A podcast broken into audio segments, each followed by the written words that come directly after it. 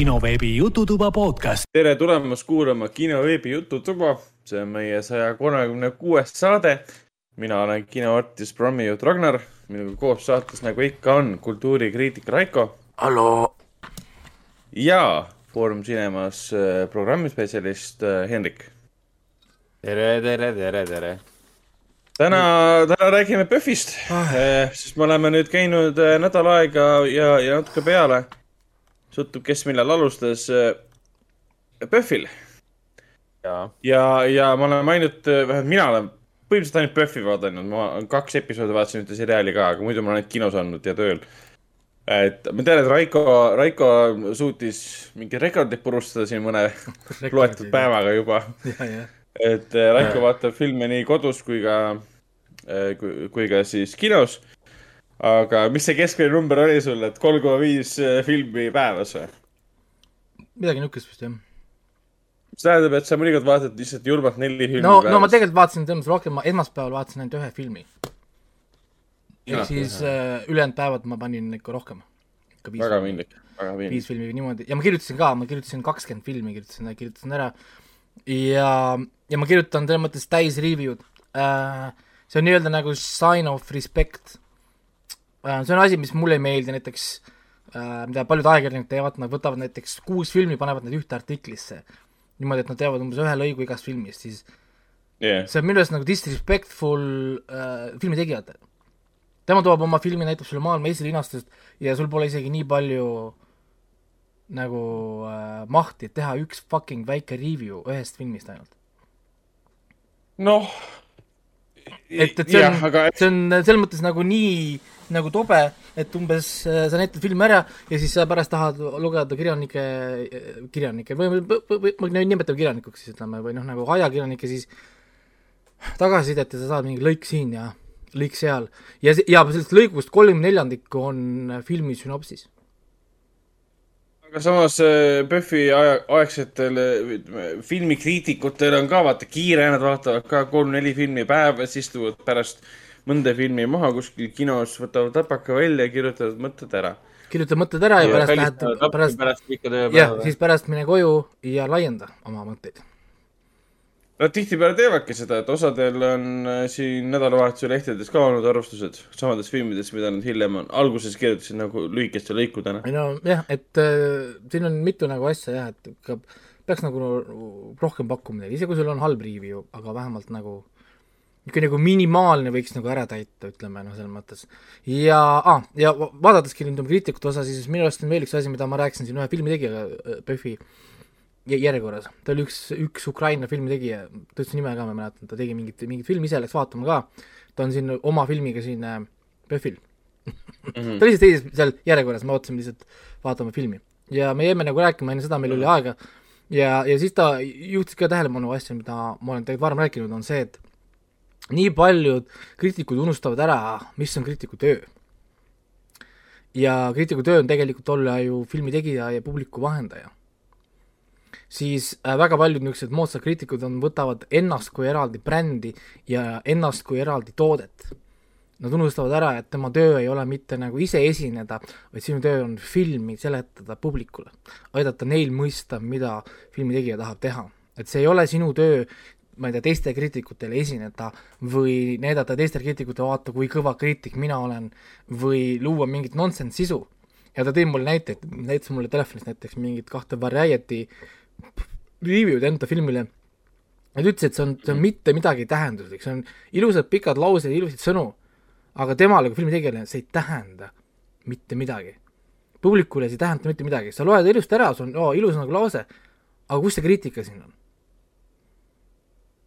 nagu, et, et sa, et sa, et sa esined, et sa näitad, äh, ära, ma, ma ei mäleta, mis, äh, mis film see oli uh,. minu listis teda, teda kuskil ei olnud, et ta on kuskil sealt välja, väljaspool neid, mis mul listis nagu olid. ja, ja noh, tema, tema oli ka see, kellega ma hakkasin selles mõttes teda natukene nahutasin, kui ta kurtis, et keegi ta filmi ei vaata, umbes see film ei levi ja siis, aa, ta ütles mulle oma filmi nime, ma panin selle IMDB-sse ah, ja, ja, sa rääkisid sellest. ja, ja siis see film ei tulnud IMDB-st välja, sellel polnud Wiki-lehte sellel filmil, siis ma vaatasin ka teda pilguga, et kuule mees, et sa väidad, et sa oled kümme aastat seda filmi teinud. Filmi ei, ei ole et olemas,. et, et ja siis sa, sa ei leia nüüd kümme minutit, et seda lisada Vikipeediasse või? et äh, noh, miinimum effort ka sinu poolt, et sa, ütleme, sa tahad, et kriitik teeks, kriitik teeb miinimumi, siis sa- ju teed ka tegelikult ju praegu vähe, isegi veel vähem kui miinimum.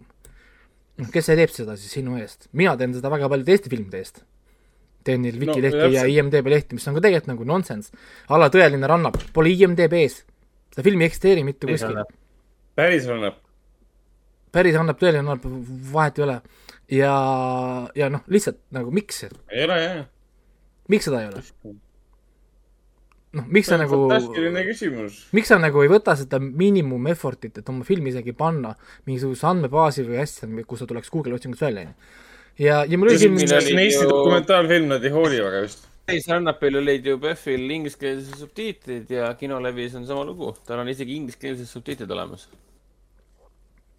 Et jah, selles mõttes, no mul oli see meel arutelu, ma päris paljudega mingi ühe rahvusvahelise ajakirjanikuga äh, rääkisin selle Filipiinidelt äh, oli siin üks äh,, temaga jäin rääkima, siis ma rääkisin ühe Hiina naisega seal Basilikas, sõime koos pitsat ja ja, ja saime ka nagu arutada siis erinevat äh, filo- filosoofiat, kuidas peaks nagu lähenema.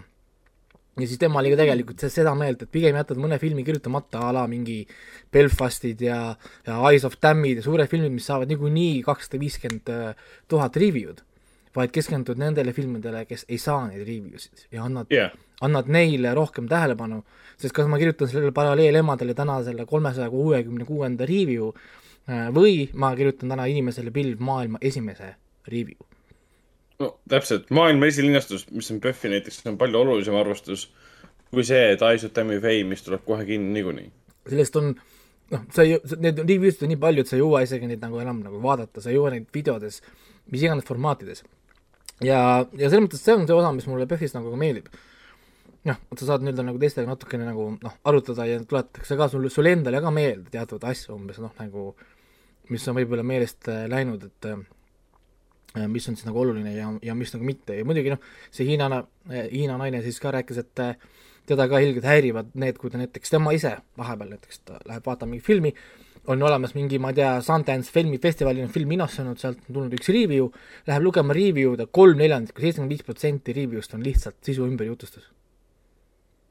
Ja seda ha harrastatakse väga palju ka Eestis. et, et, et see on kõige le-, nagu lazy effort, ehk siis sa istud nagu maha arvutisse, sa kirjutad mitu lõiku lihtsalt filmi ümber ja viimases lõigus ütled äh, mingeid lauseid, mida sa võiks öelda ka siis, kui sa pole filmi näinud.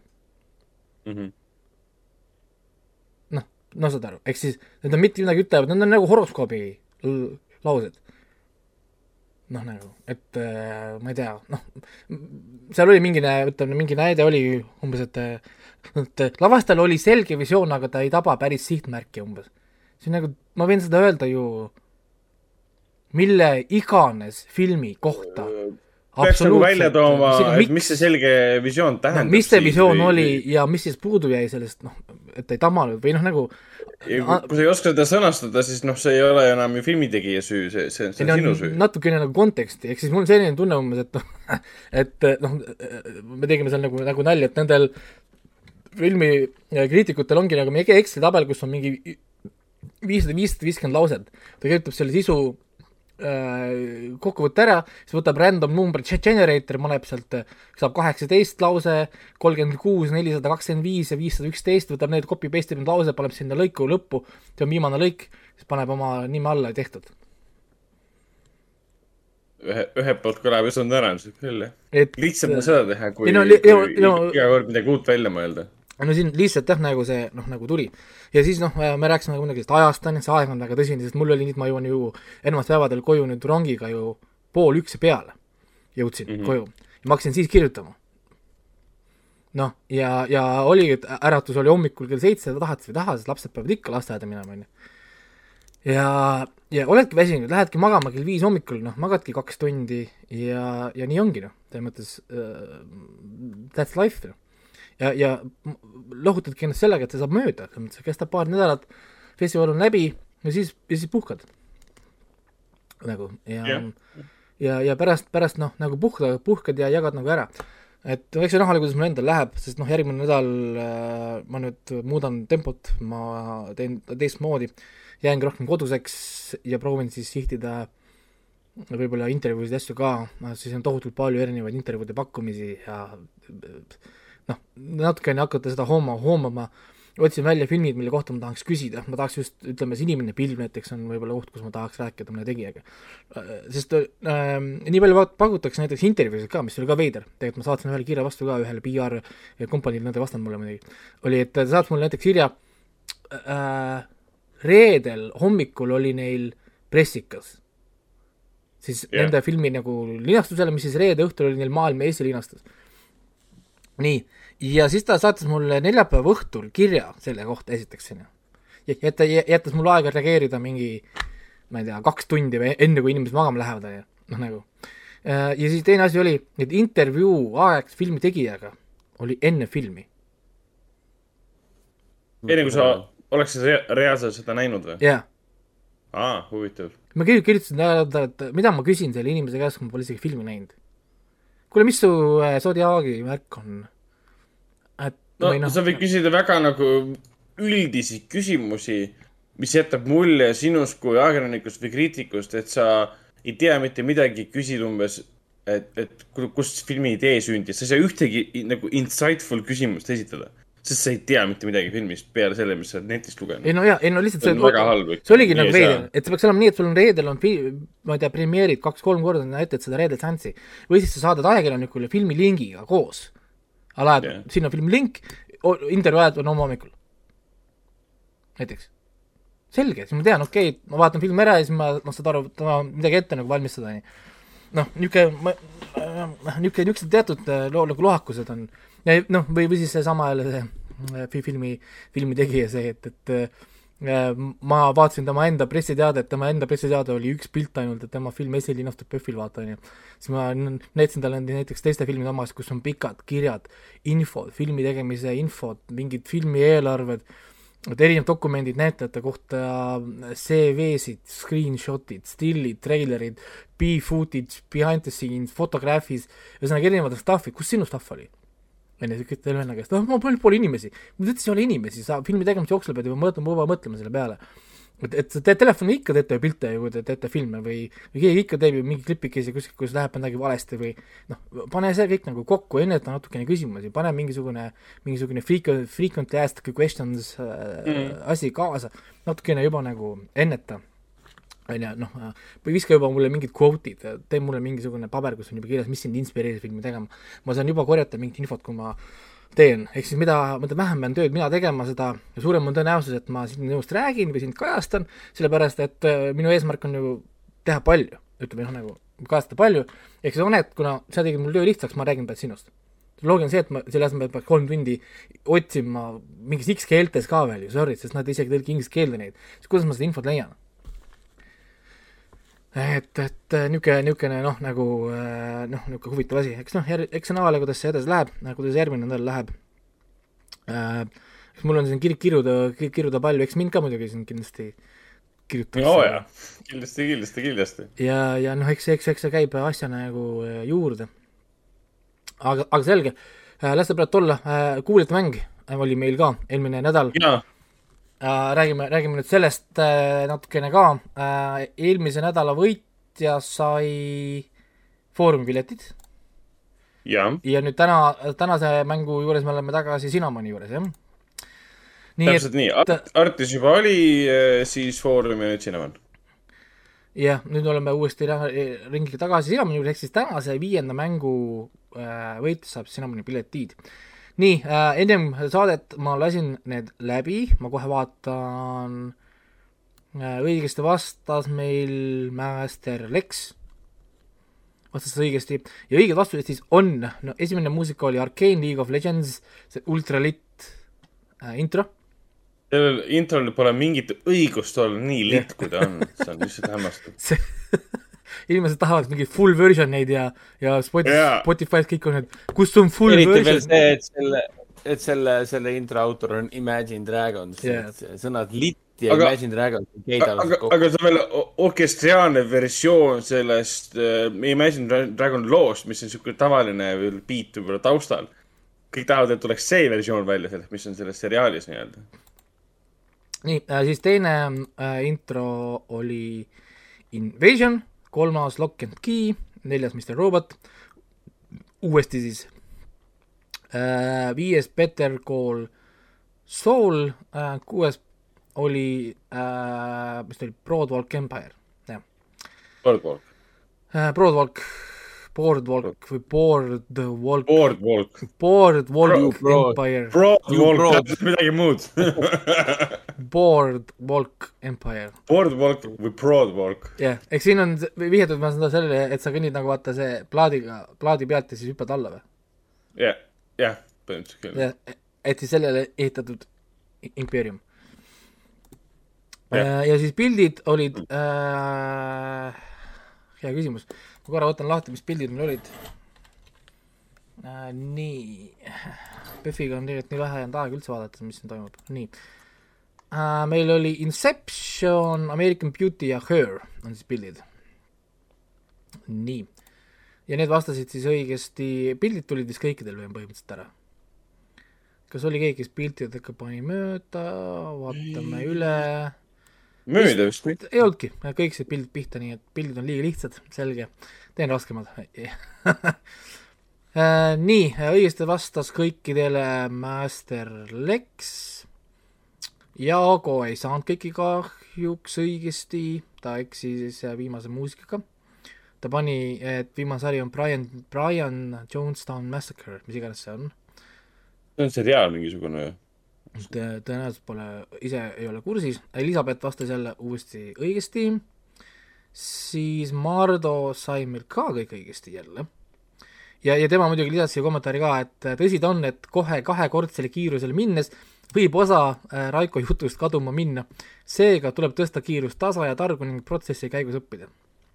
inimene harjub teadagi kõige, kõigega äh,. nii et äh, jah, good luck öeldakse selle kohta. siis äh, Villu vastas kõik õigesti ja ka Merit vastas kõik õigesti äh,. nii, ja kus mul see tabel oli, kus ma seda loosisin, tõmbasin ja meil oli, Merit võitiski, tohoh. nojah. Merit võitis viimati, millal? Pole, pole seda võitnudki. ei ole hea, täpselt nii, väga uhke. ei, palju õnne, Merit. aga me saame vaadata, ei, võtan korra esimese hooaja siis lahti, mul on see teha kohe klõpsuga, saame minna esimesele lingile. ja Meriti viimane võit oli kolmeteistkümnendas mängus esimene hooaeg, ehk siis umbes juulikuus. ei, mitte juulikuus, tähendab, meil oli paus. meil oli, meil oli suvel, suvel tähendab paus, ehk siis äh, mais lõpus lõpetasime, ehk siis ta on pigem aprilli alguses kuskil mm. -hmm. nii et äh, natukene aega on juba möödas. nii, congratulations äh, Meritile, saab minna siis Cinnamoni kinno. tee ühte või midagi, väga hea aeg muidugi ka, sest Gucci'd ja asjad tulevad kohe, nii et on, on hea võimalus minna. kutsid ja kupee number kuued ja paralleelemad ja. Anto ja. jah, et Ei saa need, need on nagu tulemas. nii, ja täna on meil siis viies äh, saade, pildid tulevad äh, hiljem, sest hetkel ma ei tea, mis pildid veel tulevad, aga introd mul on valmis pandud. nii, kuulajate mäng, siis on kaks, täna on kuues saade või? ei viies, Äh, täna, eelmine oli viies, nüüd on kuues. jaa, okei okay,, nüüd tuleb kuues tähendab, jah, okei okay,, siis on kõik õige. ja siis kuus selle saate võitja siis saab Artise piletid endale, nii et äh, äh, eks siis järgmine nädal on siis Artise omad, aga olgu äh,. alustame siis introtega ja see on number üks.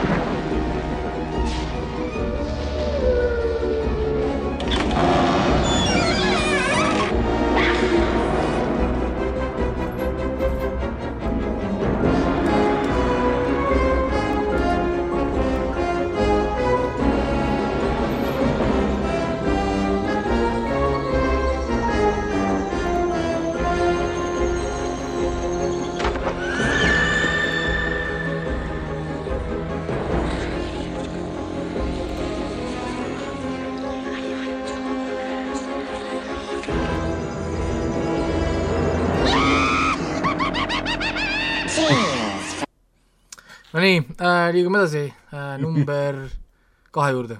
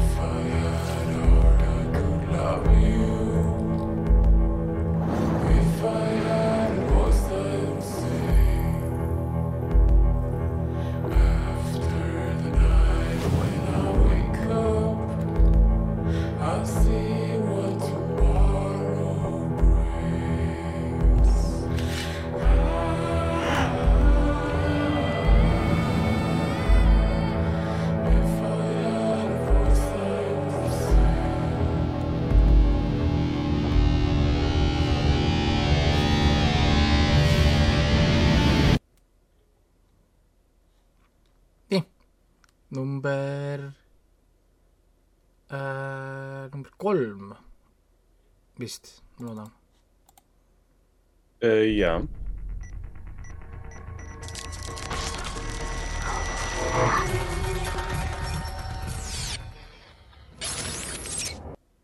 Nonii väga hea valik. äh,, nii, number neli.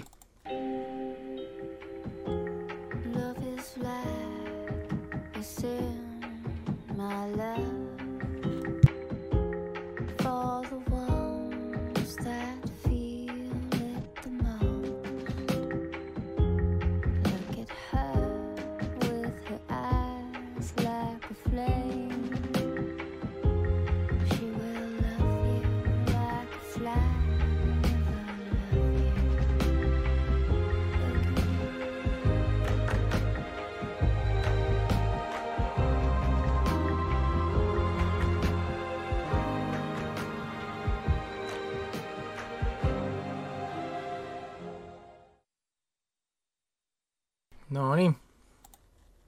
ja number viis.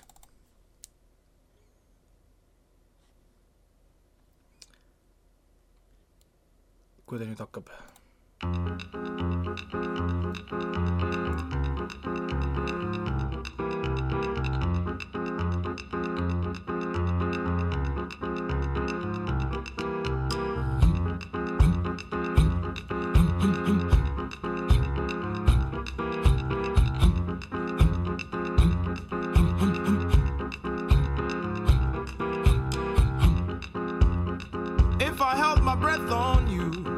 Would a thousand times. And if chewing was to show me how much you care, you probably swallow your tongue by now.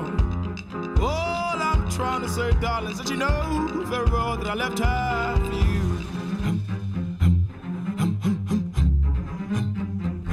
Just march on.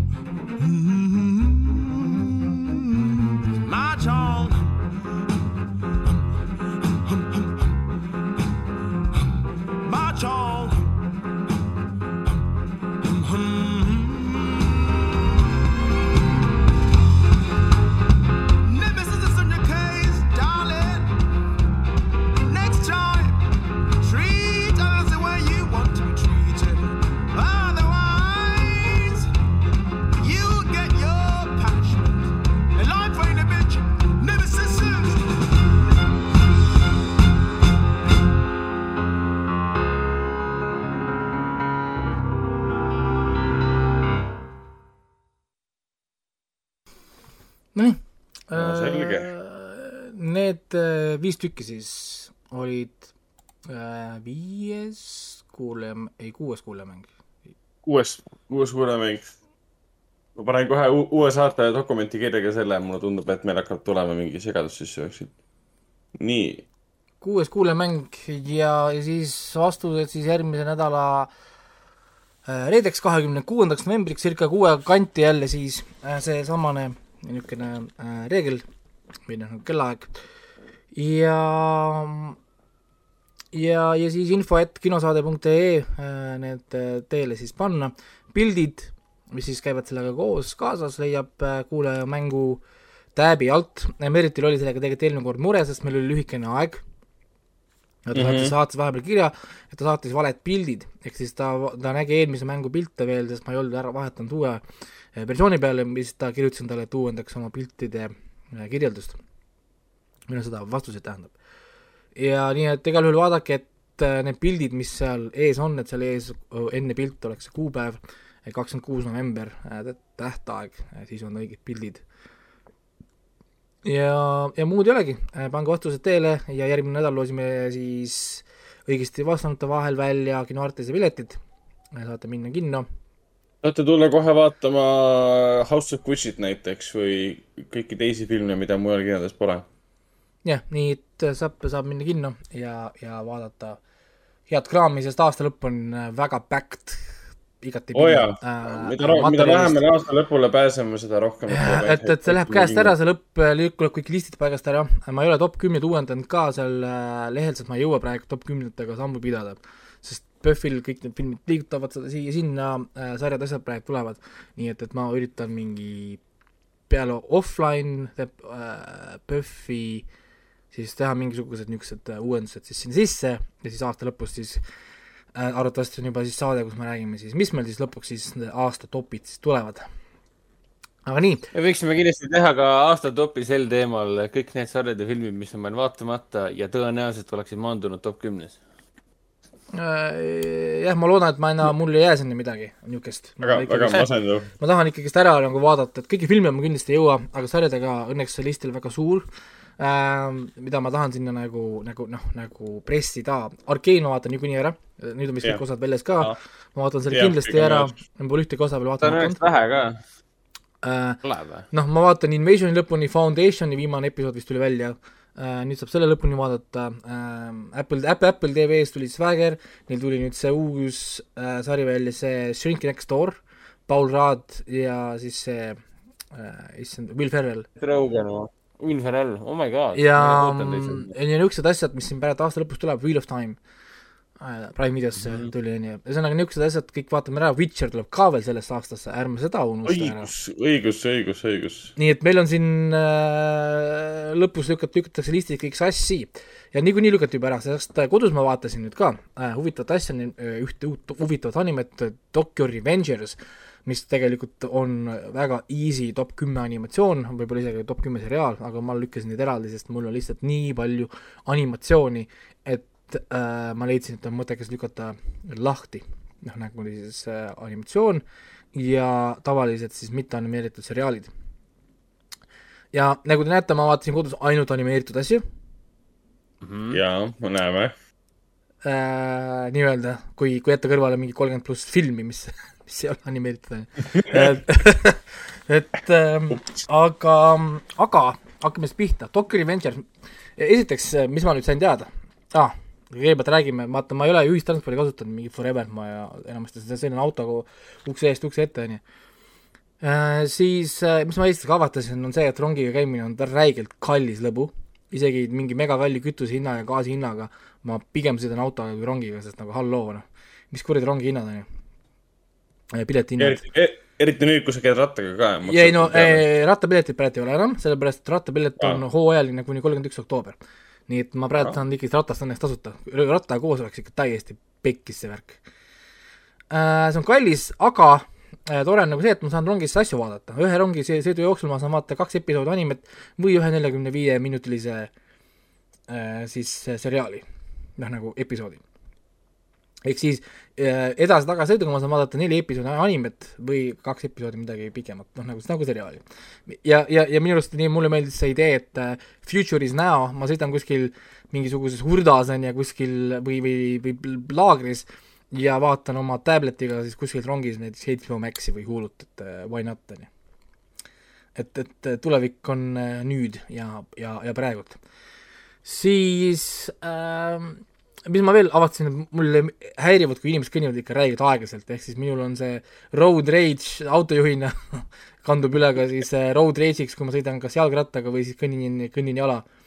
Sest äh, ikka nagu uskumatu, kuidas inimesed on harjunud vist olema üksinda, sest kui mina näiteks kõnnin kõnnitee peal, ma ei kõnni keset kõnniteed, vaid ma kõnnin ikkagi nagu ühes ääres või ma arvestan ideega umbes, et teised inimesed peavad sammuma minust nagu mööda, siis selgelt ma olen äh, väga veider, sest teised inimesed nagu nii ei mõtle, sest kui ta on kahekesi tee peal, siis nende eesmärk tundub olevat äh, väga lihtne matemaatiline probleem, kuidas meie kaks füüsilist keha nagu massi suudame jagada ennast võimalikult laiaks, et, et see antud piiratud äh, diameetriga kuradi kõnnitee oleks kaetud võimalikult palju, niimoodi, et teised jumala eest ei mahuks mööda, on ju, nii et et, et, et kõnnid ja väga, väga tihti pidin kogu aeg tegema või vabandust või, või, või tuletame inimestele meelde, et palun te kõnni kõnnitee peal üksinda.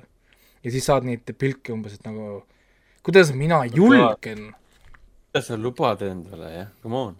et kuidas ma nagu julgen äh, öelda niisuguseid asju, et, et äkki nagu kõnniks nagu paremagi reeglite järgi või, või mingisugune süsteem võiks ju eksisteerida, on ju.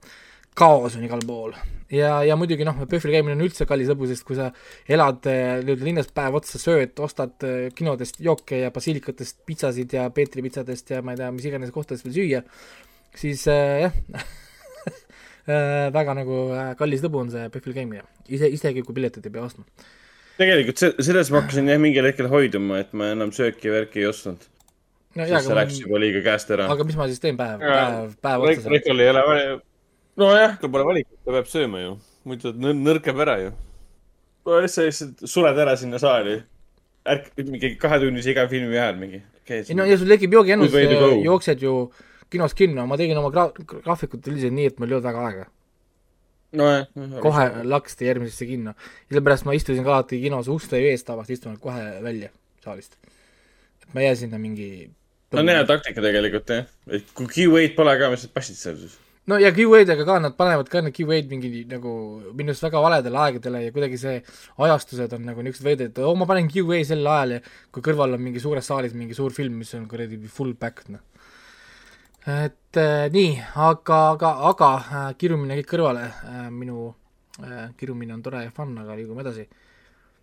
Räägime Tokyo Revengersist korra. Tokyo Revengers on siis uus anime, mis tegelikult äh, ilmus siin mingi suvel või kevadel ja, ja ma teadsin, et, et oli suur anime, sest äh, inimesed tegelikult rääkisid sellest nagu, nagu noh, nagu palju, ta oli sel aastal nagu niisugune suur listide stuff ja siis äh, IMDB-st on ka tegelikult vist kaheksa koma kaheksa, äkki, äkki oli see hinne või äh,? ma korra võtan siit äh, kohe lahti see on tõesti kõrge.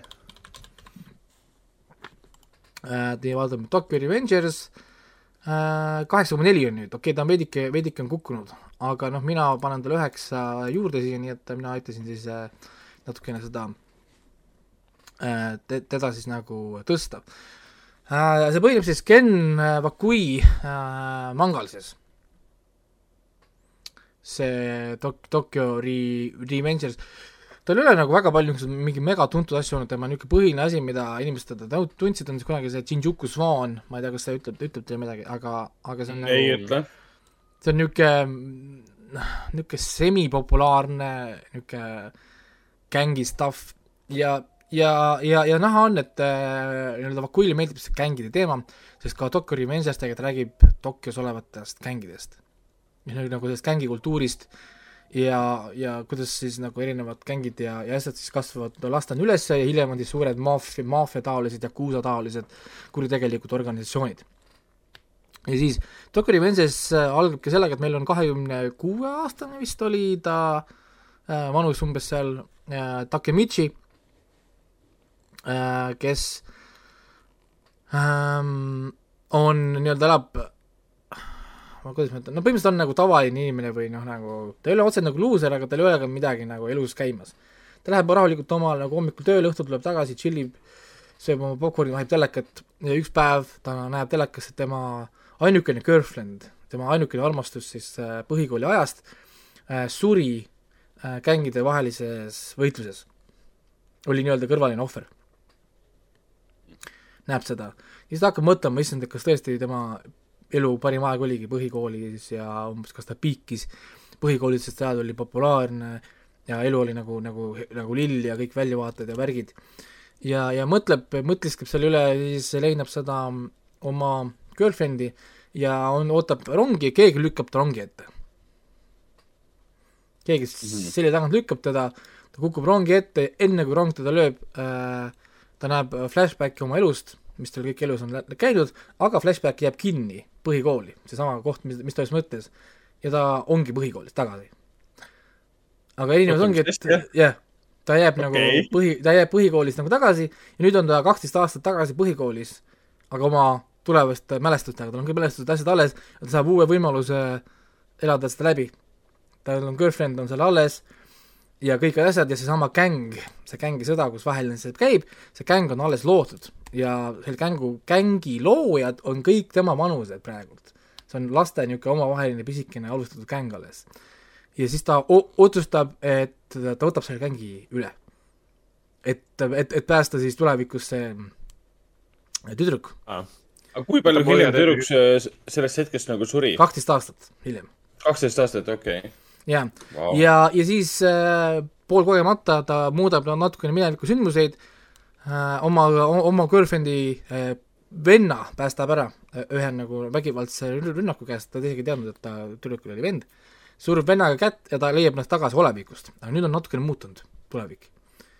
ta on nüüd sõber selle oma girlfriend'i vennaga, see girlfriend'i vend on nüüd politseinik ja politseinik teab, et tal on võime liikuda ajas.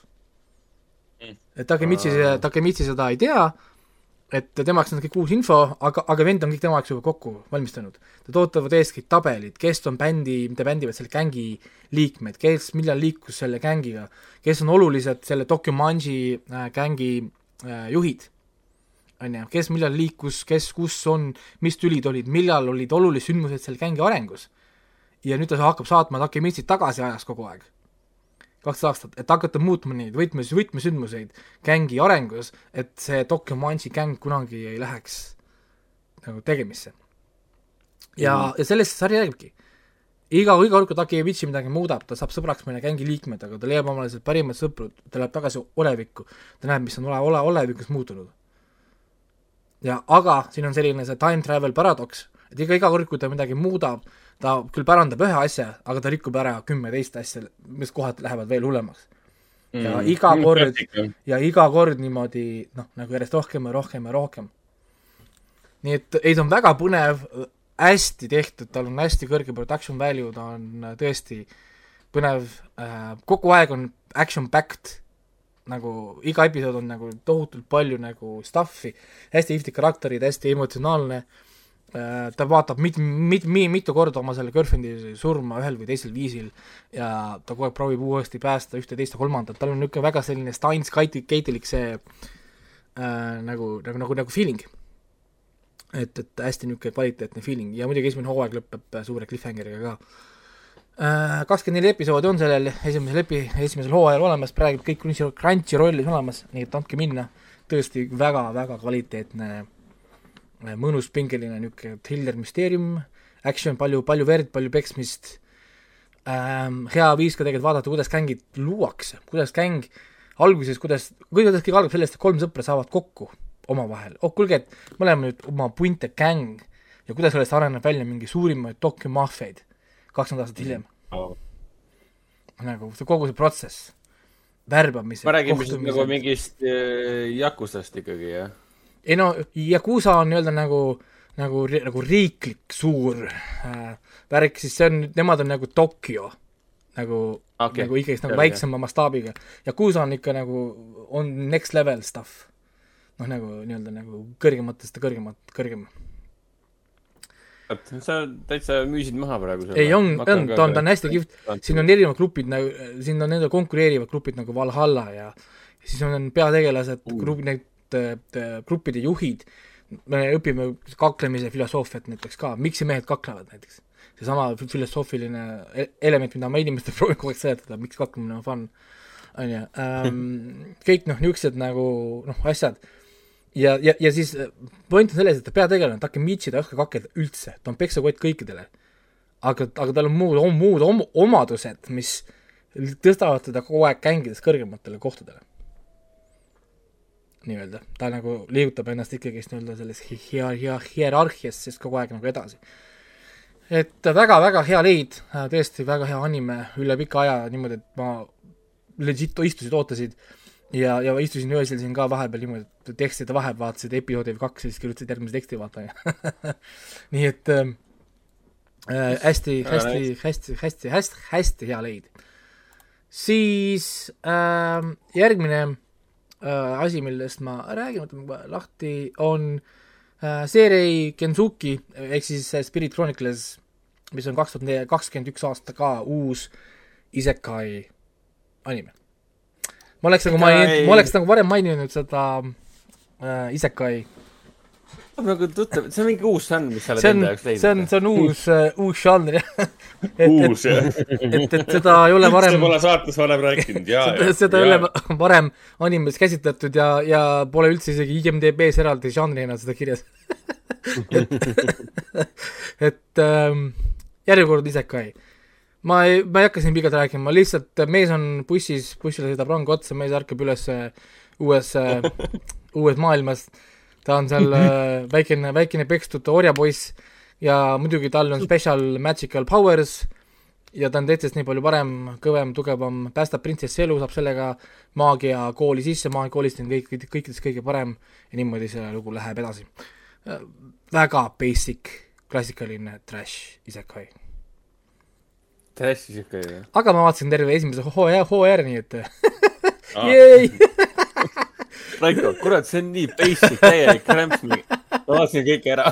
vaatasin kõik hooajad ära. on, aga see on küll, see on, see on, see on nii vastik, kui sulle mingi asi meeldib ja sa näed, et see on kõnts, aga no one more episode One more, üks veel, üks veel ma tean, et see on trash, ma näen, ma näen seda, et ma loogi, loogi, loogikamootor ütleb, et see on trash, aga noh, olgu, fuck it, vaatame ära. on nagu see Dave Chappelli see kuradi meem oma heroiinise ninaga. Ja nii, järgmine on üks anime, mille nimi on siis The Great Yahi Will Not Be Defeated. kaks tuhat kakskümmend üks aasta No. oodake seda, wait, wait for it, isekai anime. šokeeriv. Pole ammu rääkinud sellest. aga antud juhul on siis jälle tegemist tagurpidi isekaiga, kus siis maagiline olend tuleb meie maailma, antud juhul siis äh, jälle siis äh, teemonid kuninga parem käsi äh, Yahi satub siis meie maailma ja ta on jälle sunnitud, sunnitud siis töötama ja raha korjama, et siin maailmas hakkama saada. ehk siis väga sarnane, millest ma rääkisin siin eelmine saade vist, oli see The Part, The Devil is a part-timer ähm,. sarnase ideega ähm,.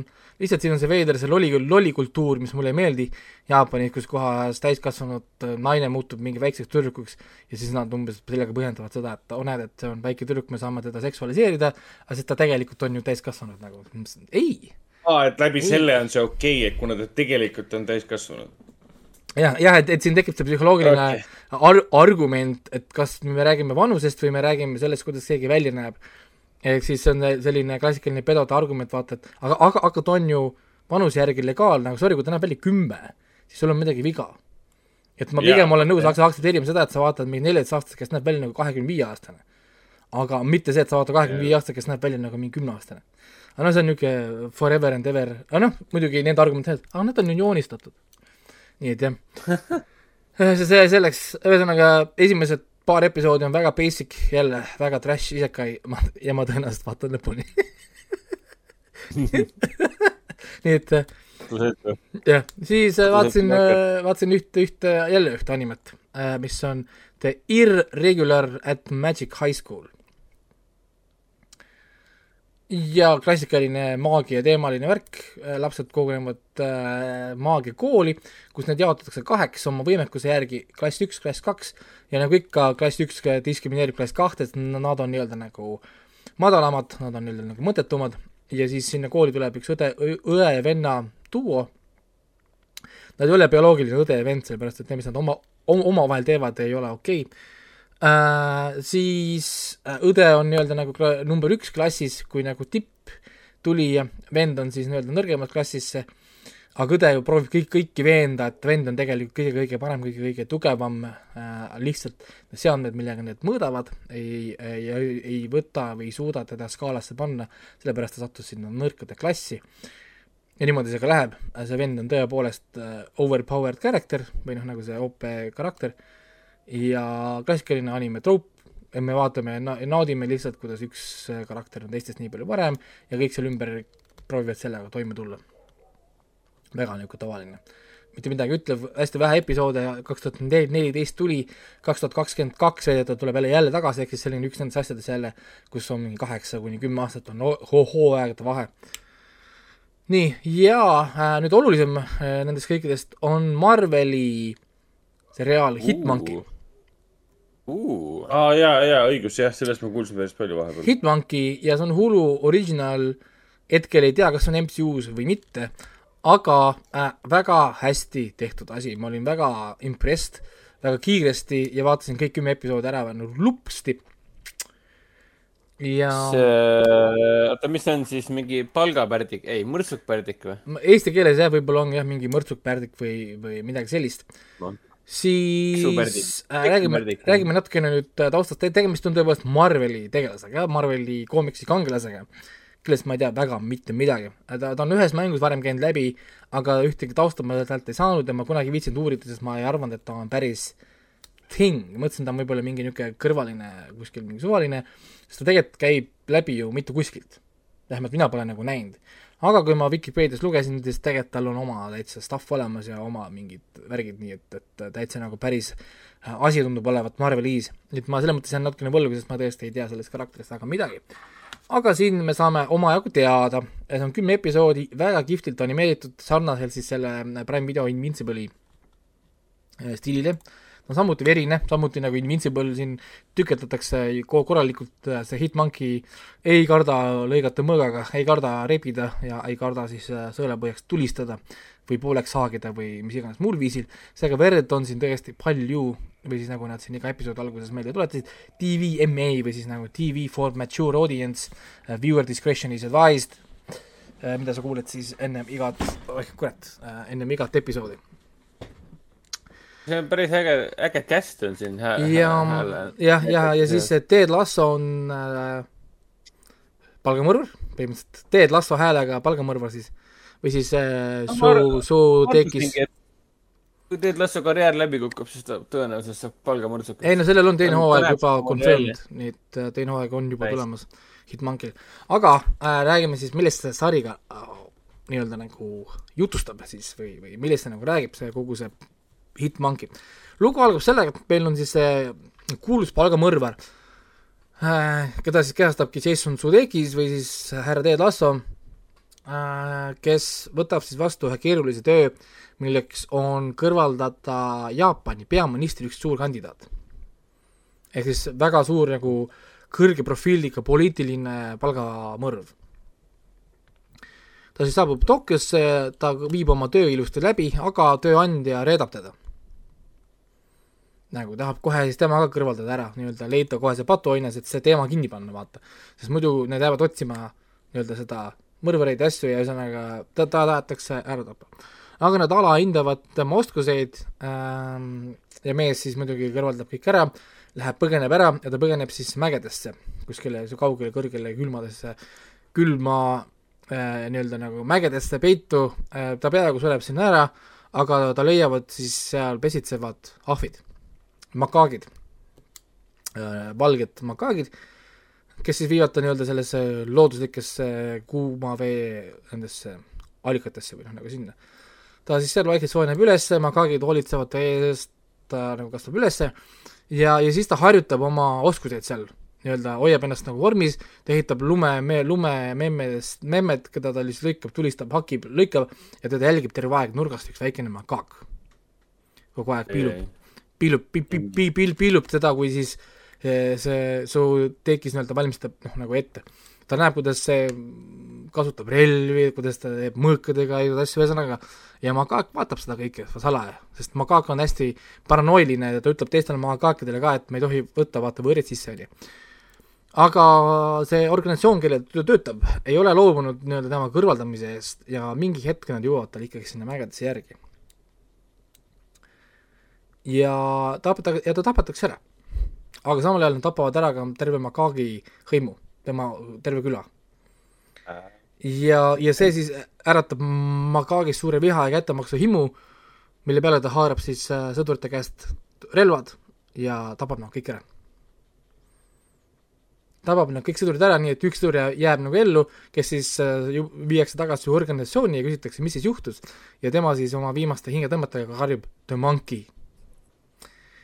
Ja nemad siis kõik mõtlevad, et olgu, et meil on mingi uus salamõrvar, The Monkey, koodnimega The Monkey, et nii äh, et, et ke- kes, kes suutis siis võtta maha meie tipp äh, selle ründerühma nii-öelda.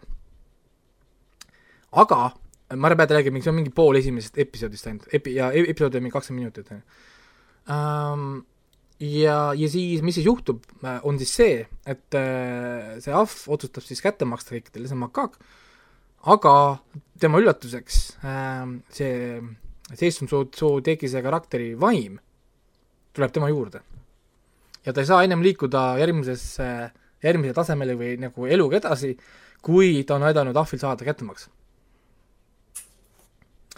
ja, ja, ja, ja siis tema on nii-öelda, keegi teine teda ei näe, ainult ahv nagu näeb ja nad saavad omavahel suhelda ja siis see mees hakkab teda aitama ahvi. ta, mees loeb talle silte, loeb talle märke äh,, annab talle kogu aeg nagu infot erinevate protseduuride kohta ja nad siis nii-öelda nagu koos hakkavad siis kätte maksma ja sellest see sari siis ka tegelikult ka nagu räägib. et nende teekond siis läbi Tokyo underworld'i ja Väga ajades siis, ajades siis jälgi ja, ja laivad jäävad taha ja samal ajal meil on siis politseinikud, kes, kes uurivad seda The Monkey salapärast salamõrvarit, kes äh, suudab võtta millegipärast kõik vastased maha. aga siin on palju huumorit ka, siin tuleb väga palju nagu naerda, sest meil on tegemist ikkagi staffiga, kes tahab kanda ülikonda ja päikseprille ja nii edasi, noh nagu et noh, niisugune, niisugune väga nagu see kohustuslik element, mis muudab selle asja, annab talle kergust, ütleme, kogu selle teema. jah, aga samal ajal me elame universumis, kus me oleme superheerod. et nad ei eita seda, et nad siin on Tokyos on olemas oma superheerod, näiteks mutant samurai ja, ja nii edasi ja nii edasi, ehk siis nad on tegelikult seal universumis harjunud nägema veidraid asju. Mhm. nii et selles mõttes noh, nagu et, et kui inimesed näevad mind rääkivat, mitte rääkivat ahvi või umbes ahvi, kes suudab õigeid asju teha, nad ei ole tegelikult nii üllatunud, sest seal universumis on äh, mingid mutant samuraid ja, ja äh, käi- mingid kätte maksvad kummitused ja muud tegelinski tekstid, ta on tegelikult nagu Marveli maailm. no täpselt, pole nagu midagi, mida me ei ole juba näinud. nii et jah, Hitmonki väga kihvt, väga, väga, väga tugev animatsioon siia aasta lõppu, mis hinde tal on, ma ei oska veel öelda, sest ma pole nii süvenenud ütleme hindamisse, et, et ma jõuan selleni natukene hiljem tõenäoliselt peale PÖFFi asju, aga ta jääb päris tugev kaheksa-üheksa punkti vähemalt. nii et igal juhul hästi õnnestunud, kuigi jah, ta ei ole, ta ei ole ütleme nii sujuv animatsioon kui äh, Invincible oli. natuke väiksem meelarv, eks tal on vähem kaadreid või vähem animatsiooni per second mm., aga see ei tähenda, et oleks kuidagi nagu oluliselt nõrgem. lihtsalt see on niisugune nagu väikene märkus. nii, see on minu poolt selles mõttes nagu kõik, sest äh, kuigi ma vaatasin isegi palju tegelikult kodus, arvestades, kui palju PÖFFi stuff'i oli.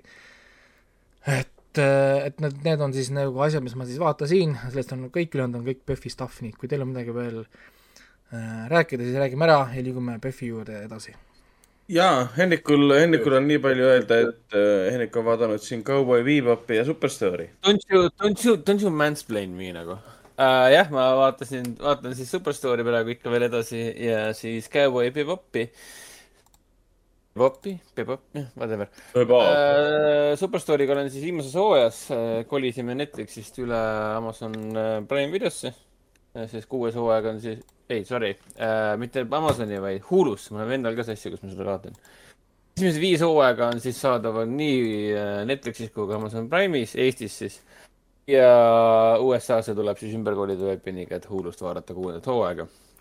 Hulu pluss on ka see, et seal on äh, sitakanti igasuguseid ekstraid. ilmselt nagu vaatame selle hooaja lõpuni, siis äh, ma hakkan vaatama lugematul hulgal neid miniklippe nii-öelda.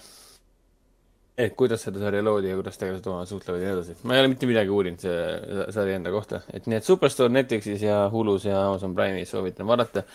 Cowboy Bob- Bobopiga ma ei ole isegi poole peal ikka veel, kümnes episood on möödas, kakskümmend kuus on siis äh, kokku. ma räägin siis äh, OG seriaalist ehk siis originaalseriaalist. Netflixi uut äh, animet ma, tähendab, sorry, live action äh, sarja ma pole vaadanud, ma vaatasin, et seal oli kümme episoodi ainult. ja, ja seda on ikka, ikka vau, kui maha tead, tehtud. tead, las ta olla. ma olen näinud eh, nii palju neid meeme ja ma olen näinud neid lõike ja keegi, nad jagavad kogu aeg seda, et eh, kuulge, et kas see on blackmail. ja siis see, ja siis see naine vaatab talle otsa, yes, you are black and you are male. siis kõigil on nagu au. my god. ka mina ei tea, mul siiamaani nende treilerite põhjal ei ole ühtegi negatiivset tunnet tekkinud, mis puudutab seda Netflixi, Netflixi no, live action. jaa, aga, aga ma nägin ühte konkreetselt tegelikult minu arust, mis oli nagu Hana, Honest Review. ja mm, seal siis inimene kirjutaski nagu, et tema ei ole vaadanud Cowboy Bebopi animet Ah, ta on vaadanud ainult Netflixi Cowboy Bebop ja tema arust on väga hästi tehtud ja õnnestunud sci-fi seriaal. aa, okei, okei. ehk siis mul on tunne, mul on tunne, et need, kes maha teevad, kes seda rebivad, võrdlevad seda ka ju nagu, nagu Bebopi originaalanimega, mida tegelikult võib-olla ei tohiks teha. no ei ole mõtet teha, kui sul on ikkagi kakskümmend kuus episoodi, kahe, kakskümmend kuus kahekümne minutilist episoodi versus kümme mingi neljakümne, neljakümne viie minutilist episoodi, siis noh, ilmselt on siin ei no- ei no- paratamatu. see on paratamatu, sest Cowboy Bebop on kultuurifenomen niikuinii ja kultuurifenomenid kipuvad olema üle haibitud pika aja peale. Nad nagu lähevad ajaga paremaks. eks meil on kakskümmend pluss aastat möödas, kui Cowboy Bebop o- originaalselt ilmus ja ta on selle aja peale tegelikult niikuinii läinud lati mõttes juba sinnamaani, kus kohas Netflixi seriaal ei saanudki tegelikult olla hea. jah, ja isegi, isegi Rotten Tomatoes ei ütle see siis esimese hooaja kohta nüüd nagu nii halvasti, et Rotten on ta, mis ta on, aga ta on viiskümmend üks protsenti, nii et see ei ole iseenesest ju halb. jah, ma olen no, näinud väga, väga häid, häid filme ja seriaale, mis siin on, äh, et isegi siin äh, näiteks üks huvitav argument käis jälle läbi sealt oli äh,, kujutage ette, kui me saaksime nüüd Castlevaniast live action remake. võrreldes selle Castlevania animega, siis kas kas oleks keegi, kes oleks juba excited või kõik ohkaksid? sest keegi proovib teha action, keegi proovib teha live action remake'i asjast, mis on juba perfect. jah, ehk siis keegi, mitte kõik ei saa rahul olla ni- niikuinii sellega. sest see, see ei ole vastupidi, selles mõttes, et kui, kui Arcane on nii hea seriaal, nagu see praegu on ja tuleks nüüd live action sinna otsa, siis on tulemus täpselt sama, mina oleksin ka üks nendest, kes ütleb, et milleks seda vaja oli, see oli algupärane oli perfektne, uus on jama. nojah Et et, et, et sa ei lisa nagu uut väärtust selles mõttes enam. vaid sa lihtsalt nagu proovid äh, re, ma ei tea, relieve the old value või ma ei tea, kuidas seda siis nagu nimetatakse, aga mul ei ole selle jaoks vaja uut asja, vaid kui ma võin ju panna vana asja lihtsalt uuesti tööle. selle jaoks on ka olemas meil võimalik teha lihtsalt remaster. võta vana Cowboy Bebop, tee ta paremaks, võta seesama asi, lihtsalt uuenda animatsiooni, tee ta pilti, pilti ilusamaks. mitte ära tee uut asja, vaata noh nagu. ma ei tea, ma pole vaadanud seda samas ma, ei jõua ära oodata, mil, millal ma lõpuks Netflixi Cowboy Bebopini jõuan, sest ma vaatasin ühte mingit Lost Sessionsi nimelist klippi ka ja ta näeb väga põnev välja. ta näeb väga teistsugune välja ja väga, samas ka väga sarnane välja. ja näitlejad nagu justkui sobivad väga hästi oma rollidesse ja, ja mina ma vaatasin praegu ilma helita ka, et see tundus väga põnev, väga niisugune kineetiline vaatamine. igatahes mina olen väga avatud meelega, ma olen ja siis on pärast see mingi kaks-kolm saadet edasi, Hendrik, miks sa, miks sa oled kurb? ma vaatasin ma olin avatud meelega. ma vaatasin Netflixi. Cowboy Bebopi. lasin Aga- Cowboy. Bebopi endale sisse. nii, aga Ragnar, räägi Arkeenist siis. Ja Arkeanist on kõik üheksa episoodi nüüd väljas, mina olen ära Spoiler. vaadanud siis äh, viis episoodi nüüd, neljanda ja viienda ka. täiesti arusaadav, miks nad on jaganud niimoodi kolm, kolm, kolm, kolm plokki, kolm episoodi. sest, sest vähemalt tundub, kuigi ma ei ole ka teist plokki veel lõpuni vaadanud, et see kõik on väga narratiivselt äh, perfektselt paika pandud. et kui esimesed kolm episoodi said läbi, said kohe aru, ahah, loogiline, et siin tuleb paus. ja ma arvan, et nüüd, kui kuues episood läbi saab, siis on ka jälle loogiline, et siit tuleb paus. ja, ja perfektne seriaal, ma ei oska midagi öelda, ma ei tea, kui, kui suur on tema nagu selline kultuuriline väärtus muidugi. ja ma ei tea, kui suur on tema selline, tal on kindlasti kunstiline väärtus, ta on selles mõttes perfektne, et ta lihtsalt fantastiliselt kirjutatud, lavastatud, animeeritud. soundtrack, muusika, kõik tehnilised aspektid, lihtsalt emotsiooni sinust välja pigistav, kõik nagu töötab selle juures nii hästi. aga ma ei näe, et umbes kümne aasta pärast eh, eh, või noh, see seriaal ei, ta ei anna nagu, kuidas nüüd öelda, ta ei loo uut alust, et näed, see on nüüd uus, uus latt, mida peame ületama, mis puudutab animatsiooni taset. ta pigem nagu muudab perfektseks selle, perfektsemaks selle, mis võib-olla enne, enne eh, veel ei teadnud, kui kõrgele ta tõusta saab. ja no, ja, ja..., aga esimese kolme episoodi põhjal oli selge, et see on väga, väga põnevat, noh, see, see on nagu karakteripõhine, põhine lugu ja publikule lähevadki ainult need tegelased korda. ja selle põhjal muutub see kõik nii, tekivadki need ülivõrded nii-öelda. No täpselt. välispidise pilguga ei pruugi jah muidugi öelda, see ei ole mingi Next Cowboy Bebop või Firefly, et noh, jah. ei Ja peagi kuna- Next olema. ja kuna mina nagu, mina nagu lollist endiselt No ta on mitte midagi ei esimene. tea ta on, ta on antud juhul esimene siis, selles mõttes ta ei ole mingi Next, vaid Arkane on esimene tõenäoliselt. jah, aga, aga kuna ma lollist midagi ei tea ja siis sellest, mis seal all oli, League of Legends midagi ei tea, siis, siis mul on, mul on huvitav vaadata seda sellepärast, et äh, esiteks kolmandat korda ma mainin, ma ei tea midagi, aga ma näen sealt neid mängulikke elemente. ma näen neid äh, tegelaste kostüüme, mida nad arengu jooksul endale selga panevad. ja ma näen, et need on need kostüümid, mida need tegelased kannavad, kui sa mängid nendega ja hästi frantically peksad oma hiirt, kui sa mängid seda lolli äh, arvuti taga, et see, see mängulik element on olemas ja ma tunnen sealt midagi ära, sest ma olen oma elu jooksul mingisuguseid mobasid ikkagi mänginud. aga, aga see, et ta videomänguga seotud on või see, et ta üldse nagu on videomängu ekraniseering, millel ajalooliselt on väga halb, halb minevik olnud. pigem siis filmidega, mitte seriaalidega, sest seriaalide puhul on kõik hästi töötanud siiamaani. Castlevania, Witcher äh,, Arcane, ainult paremaks läheb. Dota ka ja nii edasi. no Dota ka, et see ongi nagu tegi, filmitegijad said aru, et kuulge, me oleme proovinud aastakümneid teha filme, miski ei tööta, mis viga on? ja siis mingi produtsent mingi, äkki, äkki teeme seriaali, aga miks? sest ma ei tea, mängud on pikad ja seriaaliga saab rohkem ei noh, äkki sellepärast, et äh, issand, mä- geniaalne. et, et mängudes on mingi neli, nelisada tundi narratiivi ja me proovime sellest teha poolteist tundi filmi, siis nagu Jaa. äkki seal on probleem. äkki ei ole mõtet teha kahetunnist filmi viiesaja tunnisest mängust. äkki seriaalina töötab see asi paremini, kujutage ette, kümme hooaega, lihtsalt kümme produktsiooni, kõik saavad palka kümme aastat jutti, millest me nagu räägime praegu. ja täna, ja kui me salvestame minu- seda saadet, Arkane sai teise hooaja rohelise tule ka. Kinnitati juba ära ka. aga jah, ma, mingit intervjuud nägin selle Ash, Ash Brannoniga, kes on siis selle kirjutaja ja kes selle idee autor on siis selle sarja idee autor. tema Jah. kunagi lavastas selle mm, Surf's Up'i ja see Toy Story kaks. täpselt, eelmine kord me rääkisime temast ka. ja, ja siis äh, intervjuus ta rääkis ka, et ta on fänn. ta on League of Legendsi suur fänn. ehk siis ta ongi nagu fänn ja see oli tema nii-öelda see passion project, mida ta tahtis läbi nagu suruda ja ja rääkiski sellest nagu. Aga see, et inimesed on fännid, seda on kogu aeg olnud, et kui John Moore, tema see Max Payne hakkas välja tulema, ta rääkis ka ajakirjanduses, et jah, ma olen fänn, siis tuli film välja, et miks sa selle peale sittusid siis, kui sa fänn oled? et, et seal, seal oli küsimus, oota, et äh, kas sa olid nagu Max Payne'i fänn või sa mängisid ka seda või kas sa olid nagu mängufänn või, või kuidas see, Kuidas sinu-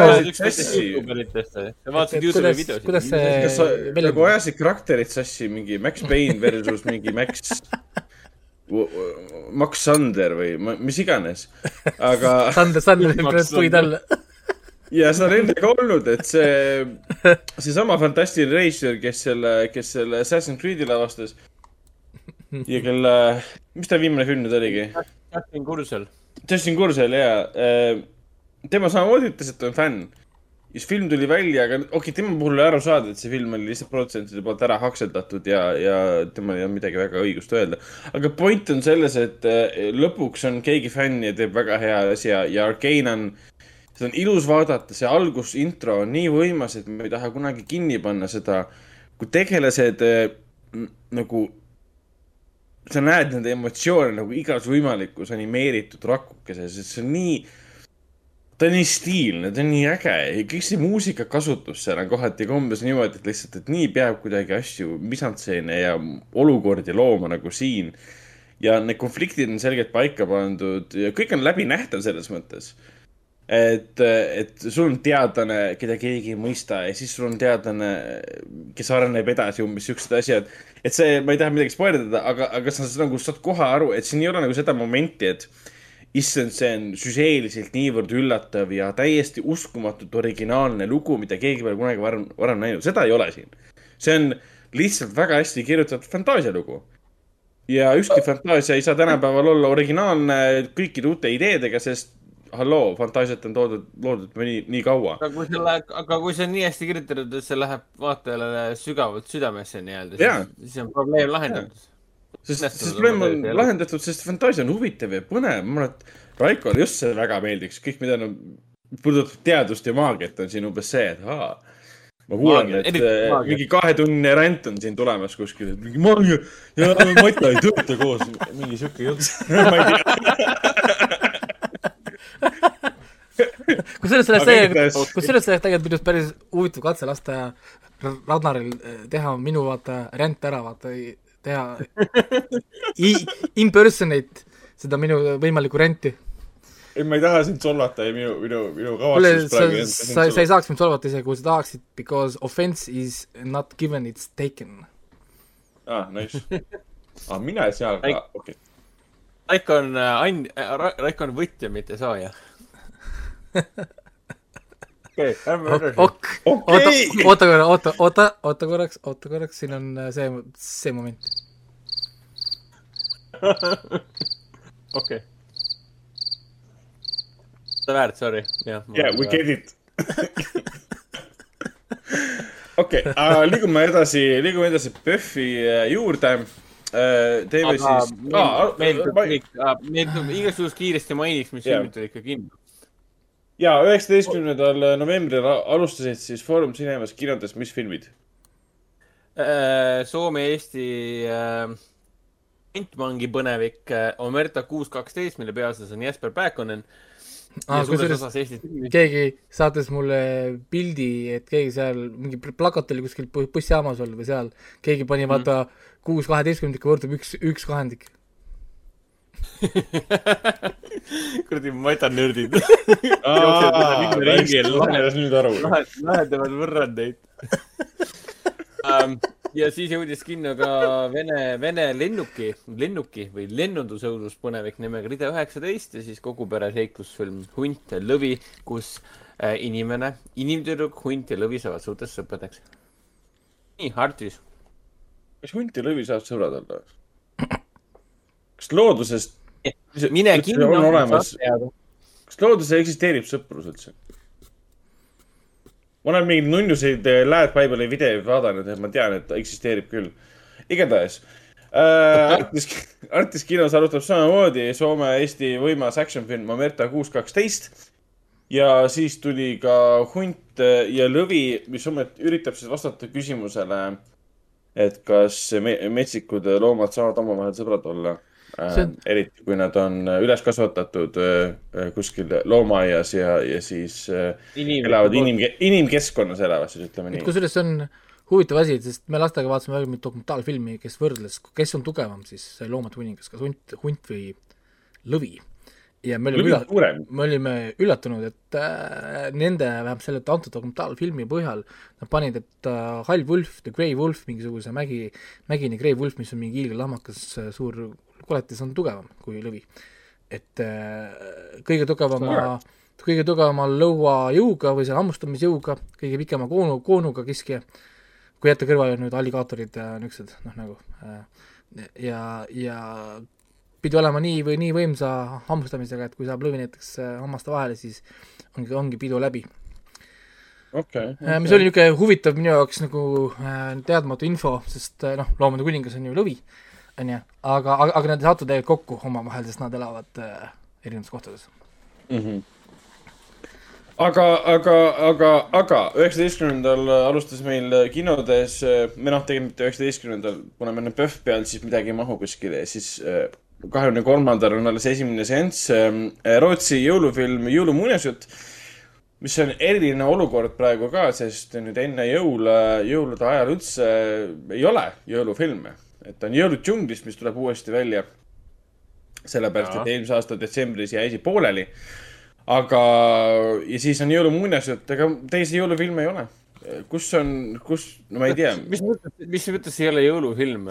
Meil on äh,, meil, on see suur jõulufilm. meil on, meil on Plaza's äh, Andrei Ree, Jõulud Andreega, eriline jõulukontsert, neli kuni neljas, viies detsember. meie, meie. ei, ma räägin laste, laste. asjadest. aa, okei, never mind. laste, lastefilmid. aga ei, sa võid mainida, nii. kinoklassikasse tuleb äh, Love Actually, kaheksateist ja kakskümmend kolm detsember saab Plaza's näha Love oota, Actually. Love Actually on nüüd jõulufilm kinoklassika eri, jõulueri, jaa, Love Actually on alati olnud jõulufilm. oota, see on küsimus. mida sa tegid praegu? sa küsisid, kas Love Actually, leiab aset jõuludel, on jõulufilm? ei no. Die Hard leiab ka. aset jõuludel, ehk siis järelikult on jõulude film. No ongi. ongi. Bruce, Bruce Willis ütles ju konkreetselt, et see ei ole jõulufilm. mis Bruce Willist üldse teab?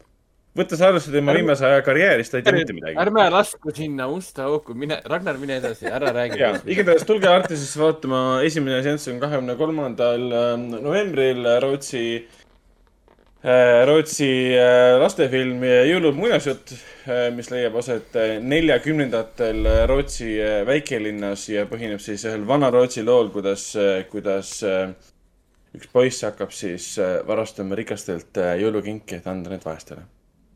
vot, kui. Liigume edasi- uus ja originaalne idee, nice. üldse ei meenuta seda vana lugu sellest, sellest Robin Hoodist ja kellest iganes Robin Hood omakorda võttis nüüd. igatahes ähm, ja, ja meil on tulemas ka PÖFFi väärikate seansid äh,. kohe, kui me läheme PÖFFi juurde edasi, siis kahekümne kolmandal äh, novembril kell üksteist linastub meil saksa film Sinu jaoks loodud, mis on esitatud siis ka Oscarile sakslaste poolt. Dan Stevens olles ühes peaosas, film, mille kõik seansid põhimõtteliselt välja müüdi PÖFFil. ja siis kahekümne viiendal on meil kahe ja poole tunnine kruus, jah, jah, Gruusia, Gruusia film, mida me näeme, kui vaatame taevasse, sobib nii väärikatele kui kõikidele teistele, et mina vaatan seda hommikul, sest mul on mugav vaadata kahe poole tunnist hommik-, filmi hommikul, kui minna õhtul pärast tööd kinno mingi, vau, see on hea film. isegi venna kõrv, me käisime, lähme edasi PÖFFi juurde, igatahes me käisime PÖFFil Belfasti vaatamas. Raiko oli ka seal kohapeal ja üks naine oli venna kõrval. ja keset filmi hakkas mingi õrna häälega iseendaga rääkima, sest ta oli magama jäänud. ta, ta pommises läbi une ja norskas natukene, aga ta ärkas üles omaenda norskamise peale. ta, ta, ta magas just sel hetkel, kui Jamie Dorman laulis väga lahedat laulu ja siis vaatad, kuidas sa magada saad, et kas sa tead, kes on ekraanil. nagu what, sa ei ole Fifty Shades of Grey'd näinud siis, mis probleem? aga liigume edasi PÖFFi juurde, mina saan öelda, et mina olen PÖFFil näinud siis kaksteist filmi. Henrik on näinud äh, üks number filmi, üheksa filmi ja Raiko on äh, näinud kolmkümmend neli, tehniliselt kolmkümmend neli, päriselt kolmkümmend üks filmi, on vist nii, midagi sellist jah. jah. et siis äh, Raiko, püha jumal, kuidas, kuidas, kuidas sa vastu pead niimoodi? sinu hing ja vaim on murtud. Väsinud olen küll vahepeal, ma siin osad filmid panevad ikka mind nokkima jõhkralt ähm,. ja jaa., ja see pole mitte sellepärast, ma nokin, et umbes film on igav, vaid lihtsalt ma olen väsinud ja, ja film on nii aeglase tempoga, et lihtsalt vahepeal lihtsalt mingi oh, oh, see silm lahti, oota, mis toimub. see on see mikrouni, mis sa teed läbi.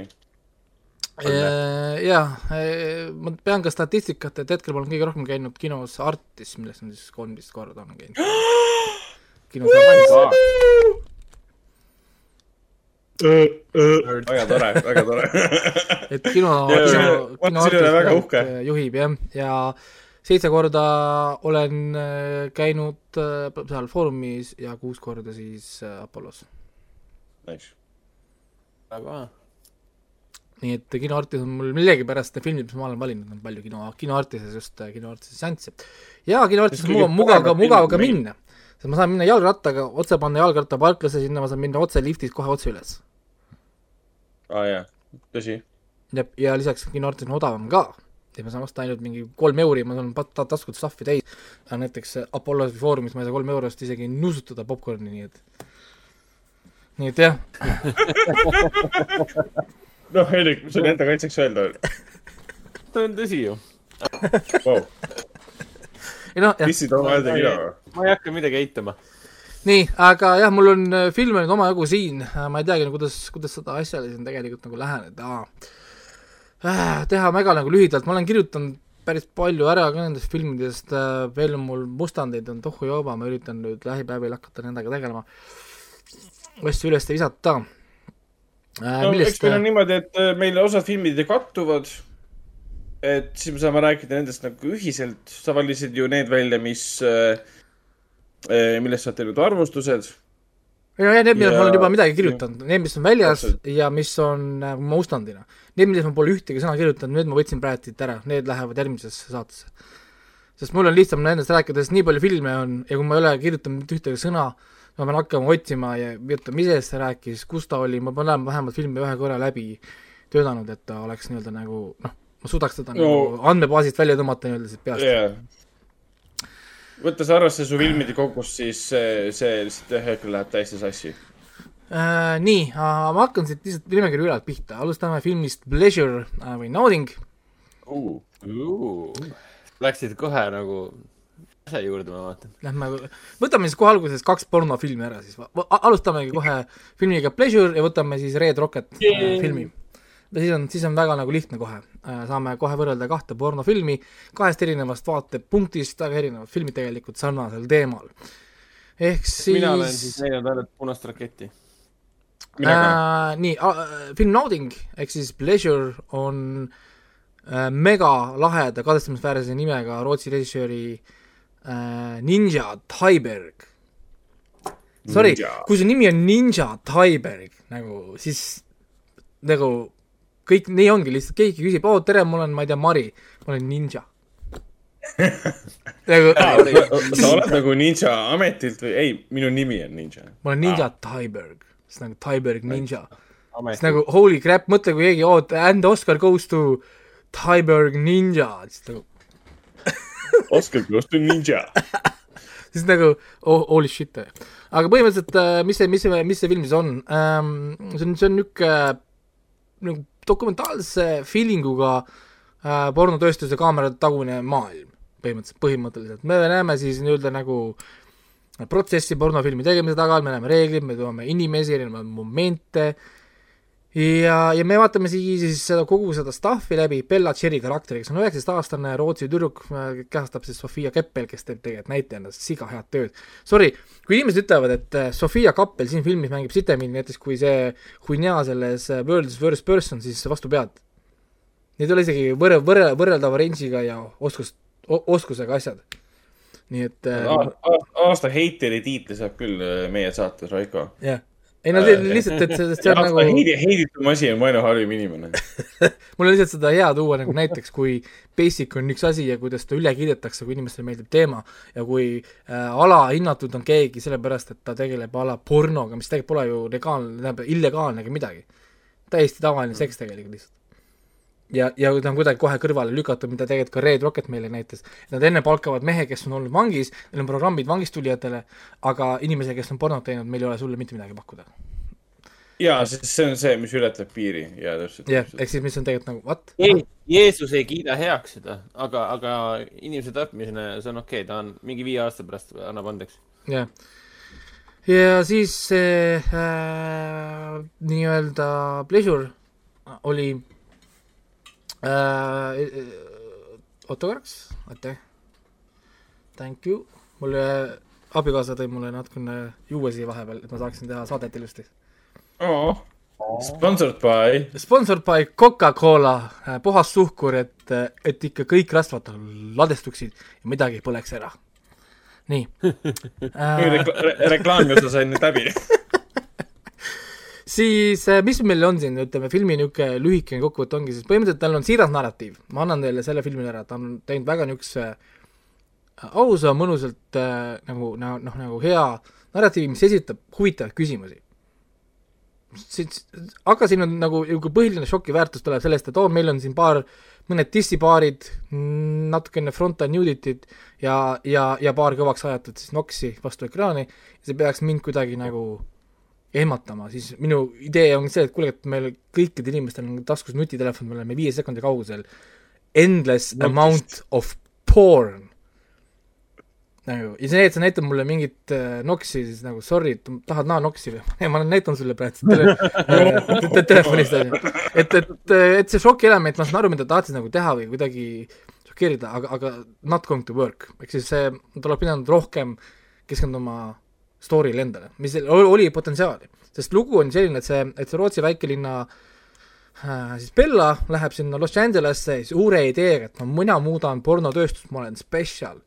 ma olen kuidagi, ta tunneb, et ta on kuidagi eriti nagu parem kui need pornostaarid, keda ta näeb siis nii-öelda videotes ja asjades. ja mm, -hmm. ja, ja siis noh, muidugi see kihvt stseen, kus ta maandub LA-s ja siis see äh, tolliametnik küsib, et oot, business for pleasure.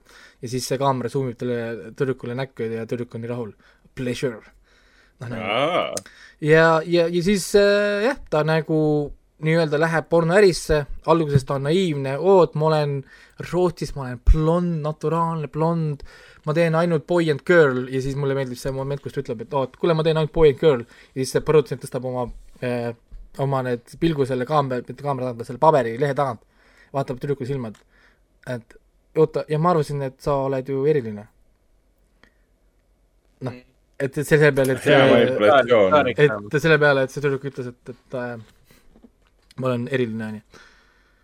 et ta on niisugune jah, väga klassikaline hedonistlik, hedonistlik äh, draama selles mõttes, et äh, niisugune ainuke võib-olla unikaalne aspekt on see, et ta vaatab seda pornotööstust nii-öelda nagu naise pilgult, et nagu toorelt, eks me näeme kogu seda protsessi, kuidas siis anda oma nõusolekut stseenide jaoks, kaamerasse ütlema jah, olen nõus, panema allkirju, näitama kuupäevasid, kinnitama oma vanust pidevalt, on ju ähm,. siis see protsess nagu läbi, kuidas meesnäitlejad on lahked ja toredad ja siis, kui kaamerad käivitatakse, kuidagi agressiivselt nad käituvad, kui alandav Jaa. see kogu see protsess on ja siis ta peab sellega toime tulema, et kas, mis on päris, mis ei ole päris.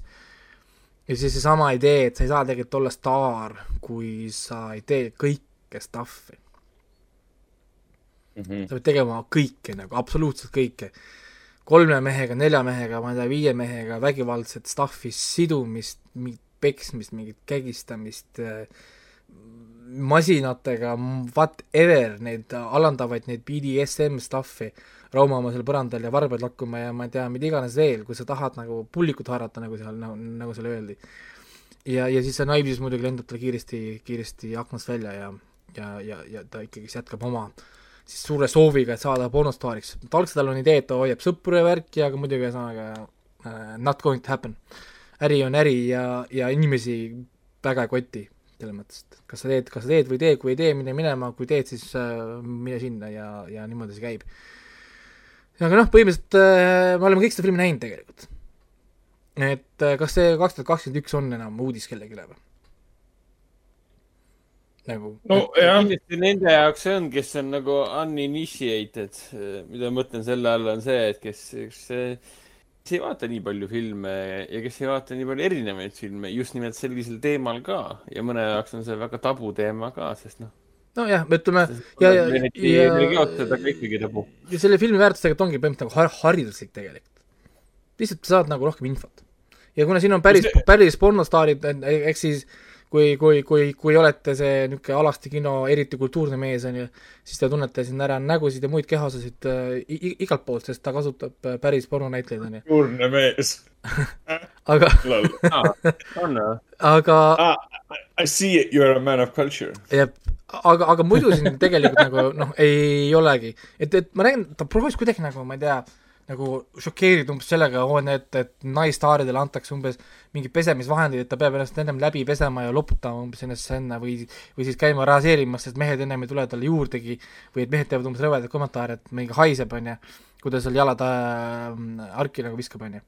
siis ma olen nagu, nagu so või noh, kuidagi täiesti nagu ükskõikne, ma vaatasin kusjuures saalis ka, et inimesed lappasid telefoni Ninecagi ja Facebooki asju, sest, sest lihtsalt oli ahah, okei okay,, whatever.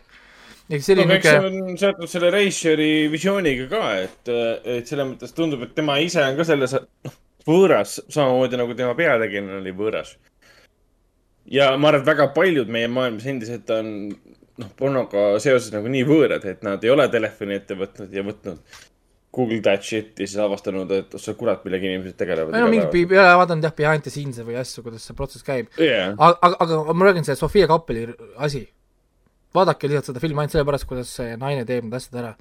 kõik need stseenid, kus teda kägistatakse, teda riputatakse, kõik need nutmised, kus ta hoiab oma nutme ja emotsioone ja asju tagasi ja see alandamised ja värgid, no sorry, noh, mis kuradi roll?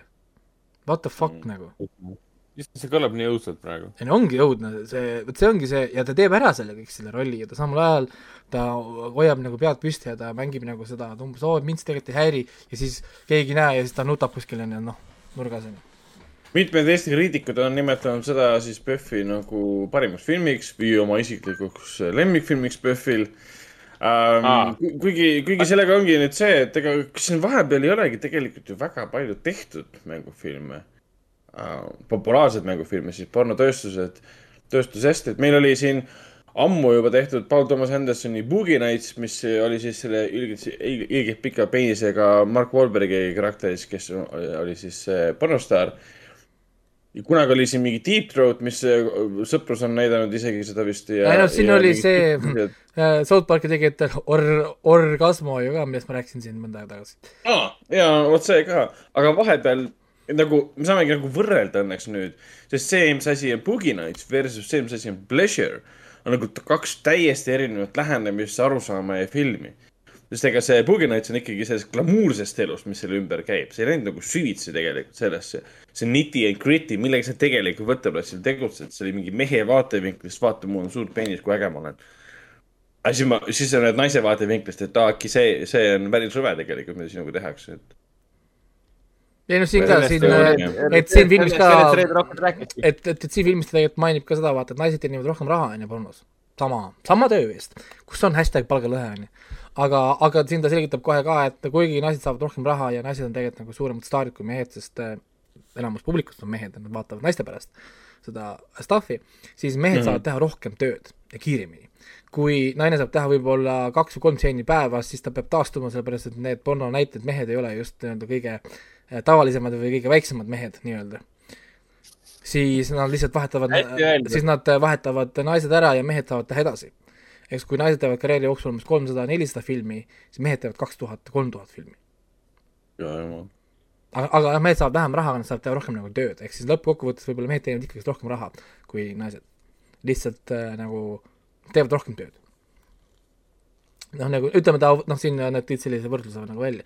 ma ei tea, ühesõnaga see, mina andsin sellele filmile kuus punkti, sest minu arust oli täiesti keskne draama, et siin on mini, minišokk element, ta natukene teeb vestlust, on ju, siin on selline huvitav feministlik maitse siin juures, natuke niisugust äh, stuff'i, aga kõik on nagu nii lõpuks tavaline. ma olen kõike nagu näinud nii palju, et ei olnud ühtegi niisugust momenti, kus mul oli nagu vau või kuidagi nagu ekstra. aga selles mõttes ta on, noh, ma räägin kuus punkti kümnest, see ei tähenda, et on halb film midagi, sa võid vaadata seda väga rahulikult ära. et, et äh, siin ei ole nagu niisugust. siis ma, sorry, aga siis ma tõenäoliselt võtan ta oma kavast maha, sest noh, mul on valida, kas ma vaatan veel, veel, veel viis filmi, neli filmi, et noh, tõenäoliselt ma ei pinguta siis selle nimel, et selle pärast kinno jõuda. jah, ja siis Pleasure lihtsalt mina arvan, et äh, võib ikkagi jätta tõenäoliselt peale PÖFFi, mingi voodides kunagi, kui ta kus iganes ilmub või vee, VOD-desse või asja, sest voodi ei saa öelda, sest Pleasure ja voodi, noh, pan, pan game ehk siis äh, V, VOD-d, kus seda filmi näha saan? voodis. sa võid minu juures voodis seda vaadata, oota, mida? mida sa näed? EOD-s.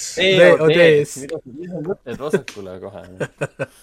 ja olgu, aga, aga räägime kohe otsa siis äh, Punane rakett ka, Red Rocket äh,. me sellest äh, eile, see on mul põhimõtteliselt viimane film äh,, mis ma siis PÖFFilt olen ka vaadanud praegu enne seda saadet sama siin. ja Hendrik oli ka mina, mina seal vaatasin seda just PÖFFi alguses või teisel päeval Artises.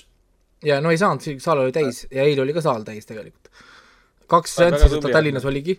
Ragnar vaatas esimesel ära, ma vaatasin siis nüüd teisel.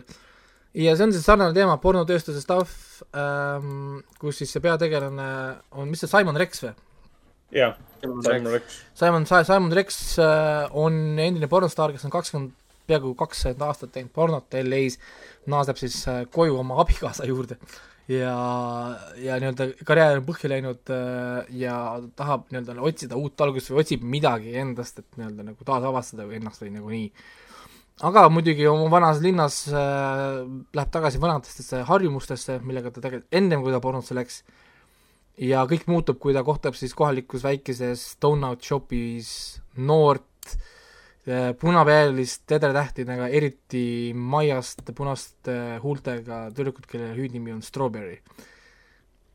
ja, ja, ja siis ta leiab oma elus uue võimaluse. ja siis ta, siis ta näeb sealt võimalust minna pornoärisse tagasi, seekord siis pro- produ-, produtsendina, et hakata siis müüma seda noort äh, prinki Strawberryt äh, nii-öelda kui uut äh, pornostaari. ja siis sellest siis see film ka nagu räägib, et ta proovib seda tüdrukut siis kõigepealt nagu nii-öelda sisse töödelda ja siis panna ta valmis nii-öelda siis pornotööstuse tulevikuks, aga muidugi siin taustal on, taustal on siin palju muid äh, ja muid asju ka, kommentaare ja muid asju ka peale selle, et tal on oma, no oma abikaasaga, tema emaga on ja see igapäevane elab väikses majas koos oma naisega, kellest ta pole ikka veel lahutanud äh, ja siis tema emaga, et noh. ja, ja, ja tema naine on ka endine pornostaar, kes nüüd müüb ennast äh, meestele, meestele ähm,. äh, siin on e- erinevad asjad, nagu me ennem siin korra mainisime, vaata, et kui ta otsib nagu tööd linnas, siis talle antakse tööd ennem ja kui sa oled endine vang, ma ei tea, mõrvar näiteks või isegi sarimõrvar on ju, whatever, aga kui sa oled pornostaar mm., siis äh, no way, on ju, noh, et, et sul ei ole siin nagu ruumi Äh, mida, mida tegelikult, kusjuures siin oli huvitav dok, oli Jenna, Jenna Jamesonist tegelikult on olemas huvitav dokfilm. Jenna Jameson oli kunagi pornostaar, see on üks veel sellest ajast, kui mina kunagi vaatasin ja teadsin neid pornostaare, siis eh, tal on lapsed ja värgid ja siis ta oma, oma seal dokis nagu räägib, kuidas eh, tema nagu laste sünnipäevadel ei lubata isad, isadel tulla. naised ei luba oma mehi siis nagu Jenna Jameson juurde minna äh, Aa.. noh, saad aru? naised, aga mis sa arvad, et siis juhtub, lihtsalt hakkab kõigiga seksima seal samas. ei, ma ei, ma ei kujuta ette, see on lihtsalt see mainete või asjade nagu nagu. nagu, nagu värk. et, et, et see pakkus jah, mul, mul õde nagu rääkis sellest äh, ja, ja ta pakkus talle ka hu huvi see teema ja tema arust, temale tundus ka see huvitav, et miks nagu nii häirib inimesi keegi porri nagu teeb, tegelikult see on nagu so what, kuidas see sinusse puutub või või Jah. kuidas, kuidas see nagu häiriv on. et inimesed kallistavad anti, anti-vaxxereid, kes, kes koroonat edasi kannavad, aga te ei kallista sind, sest sa oled maganud mõne inimesega või, või noh, nagu noh, asjad on nagu paigast ära. et, et see ei ole tegelikult ju oluline. ja Red Rocket ongi, ta on siis Sean Bakeri film, ma, mina seda Flo- Florida projekti pole näinud, ei oska öelda aga, Tang-, aga Tangerine? pole, pole ka näinud. aa, okei okay,, siis on sul esimene, esimene sissepääs Sean Bakeri filmi, filmistiili praegu, jah? jah, mul mina, on mina olen neid teine näinud.. sa huvitav, täitsa huvitav. mandariine pole näinud ja ta on tegelikult päris palju filme teinud siin enne. Mina olen ainult kahte näinud. näinud. mingi kolm filmi veel. oota, ma korra vaatan, mis filmi ta veel on teinud. Ma olen selles mõttes teda nagu ähm, see on ikka sügavad indie, indie-filmid. ta ikka noh, pälvis, pälvis tähelepanu selle iPhone'iga üles võetud äh, Tangerine'i, kus, mis räägib kahest seksitöötajast äh, seal, sekstöötajast, seksitöötajast, mis iganes. Sex workers, siis, mis see oli, LA-s või kus nad olid? Ja mis oli totaalne indie lihtsalt, siis kõik rääkisid, et ta filmis, filmis iPhone'iga. Ja siis on see, et nagu hakati selgitama tal inimestele, et kes, kes arvasid, et iPhone'iga filmimine tähendab seda, et sa võtad iPhone'i kätte ja siis mingi öö, filmid. ei. kui sa vaatad behind behind the scenes'i, sa paned kõik iPhone'i külge, vaata need objektiivid ja sul on kõik asjad küljes seal lihtsalt, lihtsalt see on nagu kaamera, aga sul on kõik asjad seal küljes, umbes liigud sellega ringi, et see oli see efekt selles mõttes. nii, äh, ma vaatan ta filmi, sest ma olen hinnanud kunagi filmi kaks tuhat neli, film Take Out, mis on ähm, Sean Bakeri ja mis on Xi Jinping lavastatud film. ma isegi ei tea, kus ma seda olen näinud, sünopsis on natukene tuttav, kus mingi illegaalne Hiina immi, immigrant ei suuda oma asju maksta ja siis, siis hakkab siin erinevaid asju tegema, et tema läheb äh, võlgu siis nagu tagasi teha. et ma olen seda hinnanud äh, kunagi, aga Bakeril on see äge asi, et ta on äh,, viib iga oma filmiga ta nagu, ma olen ainult kahte filmi näinud, aga juba selle Florida projektiga oli see selge, et ta nagu otsib väga huvitavaid näitlejaid, kasvõi koha pealt, et näiteks see Red Rocketi see ema näitleja, no ma ei, ma, ma ei ole veel guugeldanud, aga ma olen täiesti veendunud, et see on, et see on kohalik tädi, kes kästiti siia ema rolli. et ta yeah. näeb liiga autentne välja, see ei ole näitleja, see on, see on, ta on lihtsalt liiga tore ja liiga armas ja liiga nagu päris nägi välja. Ja selle Florida, Florida projektiga selle- samamoodi, et selle ema, ema, ema pilgud, selle näitleja pilgul. tema pilgud, nii, nii, nii ausad pilgud nii-öelda, nagu päris elus. ja Bakeriga ongi see teema, et ta filmib kõike vist oma filmilindile mingi kuusteist millimeetrile või, see viimane film. see oli võetud jaa, kuusteist. ta nagu üks viimastest, kes siin äh, pidevalt oma kuradi filmikaamerat, reaalset filmilindi kaamerat kaasas kannab. Ja siis ta läheb reaalselt mingisugustesse ussiaukudesse, kus ta nagu reaalselt filmib ausalt, päriselt ja ausalt nagu päris, päris inimestega päris filme nii-öelda. sellepärast see Florida projekt nii äge oligi, et seal see peategelase ema ju mängis see mingi, mis ta oli, Leedu päritolu naisnäitleja või? vist oli jah Leedu. Eesti X-näitleja ma ei mäleta. Eesti X-näitleja, aga täiesti suurepärane roll äh, William Dafoe kõrval siis. Brooklyn Prince või? ei, Priia Vinaite või? jaa, Vinaite, Priia Vinaite. kuskilt ük- X kohast välja ilmunud näitleja, kes nüüd on jah, mänginud erinevates asjades. aga esialgu enne Florida Project'i pole mitte kuskil olnud. ja seda Sean Baker teeb, et ta leiab need inimesed, kes on sellest piirkonnast pärit, kus ta lugu teeb. samamoodi siin, et see on mingid Texas äh, crack dennid põhimõtteliselt, kus inimesed elavad äh, crack'i poolt ära hävitatud kodud mida mitte, mitte, mitte crack'i ära, see on lihtsalt see unustatud Ameerika, lihtsalt inimesed, kes, kelle elu on täpselt ühesugune iga jumala päev. suurim meelelahutus on kas sõõriku putka või siis, või siis maantee ääres olev bensujaam. ja see on see ülimalt pooluslik Ameerika, et sul on nagu mingi Las Vegas ja mingi sihuke Ameerika ja siis sul on tühermaa, kus on lihtsalt mingi sitt, nii-öelda inimkõnts vedelema, mädanema jäetud. Aga kusjuures ma ju tundsin selle linna lõhna, ma olen käinud nendes veidrates Texase väikelinnades ja kohe, kui ta filmis neid maju ja näitas neid kaadreid, kus sõit rattaga mööda, need majad, ma tundsin nende lõhna saalis Aa,. mul tuli kohe meelde need lõhnad, need on väga spetsiifiline lõhn, seda on raske kirjeldada, neid lõhnasid. aga näiteks Kentuckis, Ohio's, Texases, Floridas, erinevates kohtades, kus sa oled käinud, need lõhnad on nii spetsiifilised, et sa tunned nagu ära ja see ei ole, need ei ole head lõhnad, need on halvad lõhnad, sa tahad ära minna, see on ebamugav, see on kitsas, sa tunned, et mingi asi rõhub sind, sa tahad ära minna sealt, sa ei taha jääda sinna. ja kui sa sõidad nagu läbi nendest kohtadest, sul on nagu alguses on nagu see excitement, oh, ma olen kuskil mingi Ameerika väikelinnas, aga sa käid baaris seal söögikohas ära siis need lõhnad, need rasvad ja niisugused vastikud, siis on see, et ma ei taha enam olla siin, ma tahan minema minna. et, et ma tundsin selle filmi lõhna küll. Aga jah, seda see film tegi väga hästi, näitas seda teist, teistsugust Ameerikat ja, ja jälle ta pigistab oma näitlejatest selle viimase välja, sest Simon Rex äh, kandis seda filmi, ütleme nii. et ma ei olnud nii vaimustuses sellest filmist, kui ma oleks tahtnud, et ma oleksin. ta ei ole kindlasti minu lemmikfilm PÖFFil praegu. aga Simon Rex lihtsalt kärrib seda filmi, võtab oma õlgadele ja siis see, kuidas ta kogu aeg räägib, räägib, räägib, see, kuidas ta väga visuaalselt näitleb, vehib oma kätega. tüüpiline näitleja, ta kogu aeg ta liigub, see on ikka täiesti crazy, kuidas ta jaksab. ja kas keegi üldse teab ka, kes Simon Rex on? mina, mina tean teda ainult tänu sellele, et ta mängis Scary Movie kolmandas osas. minu jaoks on, sealt teda, näitleja. sealt me teamegi teda, ega keegi mujalt teda ikka ei tea. ei ole ka põhjust kuskilt mujalt teda teada. Keegi vilksamisi kogemata on näinud, et noh, aga tuleb välja, et ta oli jah, mingi MTV VJ, mis iganes see tähendab ja siis ta oli äh, äh, see por-, mingi soolo pornostaar ka, mingi masturbation video pandi tema nime all, mida mingi aliase nime all pandi kuskile internetti üles. ta sellega teenis raha esialgu, enne kui temast näitleja sai. ja, nojah, ja, ja, ja aga noh, porno pornoks, see on, kogu lugu on ikkagi ju sellest, et kuidas suurlinnas läbi kukkunud äh, äh, väikelinna poiss tuleb tagasi Texasesse oma kuradi naftatehaste külje all asuvasse pisikesse ühekorrusesse äh, majja ja ümberringi on igavlevad inimesed, kellel pole tööd enam.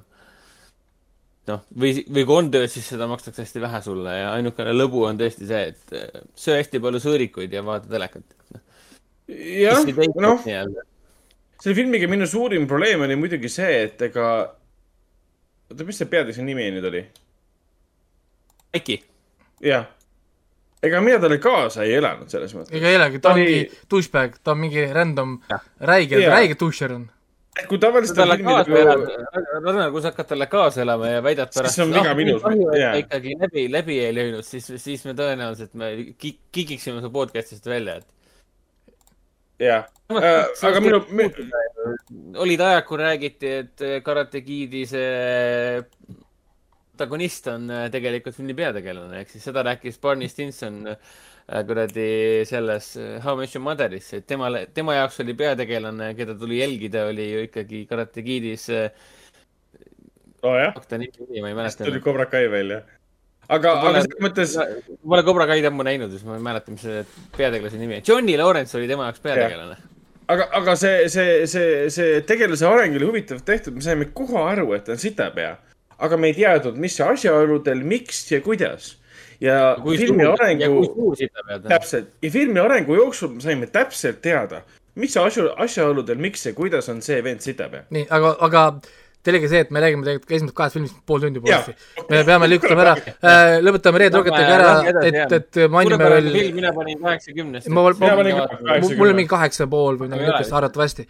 aga ma lihtsalt mainin ära, et Susanna Son casting sellesse Strawberry rolli, holy fucking shit nagu et siin äh, üks äh, naine, kes mu kõrval oli, mul i- kõrval istus üks ema ja tütar ja siis, kui, kui see äh, tšikk seal pühe, pöherdas seal esimest korda seal, siis see ema tegi ka tütrele seal huvitava, huvitava kommentaari, et äh, saalis on mehed nüüd kindlasti kõik praegu väga rahul, et et, okei, et, et see, et see, et see kahe, kahekümne kuue aastane Su-, Susanna Sondis, kes siis seda äh, Strawberry rolli siis seal mängis uh,. okei, aga see jah, väga sihilikult valitud muidugi, siin ei ole midagi öelda. aga see jah mm -hmm. jah, kõik, mida Sam Baker teeb, on väga hästi valitud. nii, nii, aga lähme liigume edasi, film Sõjad, mida me vaatasime Ragnariga koos. Artises reedel mingi kella neljast või mis kell see seal oli. Wars, taolist, QRS, Kanada äh,, Kanada Kanada., Kanada Kanada. film. Kanada, Kanada. Kanada siukene, siukene kammerlik, intiimne indie-film kahe inimesega, põhimõtteliselt väga sarnaste kohtadega, mitme seina vahel, välitseene põhimõtteliselt on väga vähe. ja mulle meeldis, minu arust oli väga ja hea ei, ta oli, minu arust oli ka hea film, andsin talle seitse, seitse punkti kümnest. põhiline teema on siis see, et millal on, millal armastus lõpeb ja vägistamine algab. On niisugune, niisugune, niisugune teema siin ähm,. nii veider suhe seal. see oli veider suhe, siin põhimõtteliselt dialoogi ei ole, see on põhimõtteliselt dialoogivaba film, väga on- minimaalne on- dialoog. see on näo emotsioonide lugemise film. näo oli ilme, et jah, ja iga kord, kui tundub, et keegi hakkaks midagi rääkima, on cut.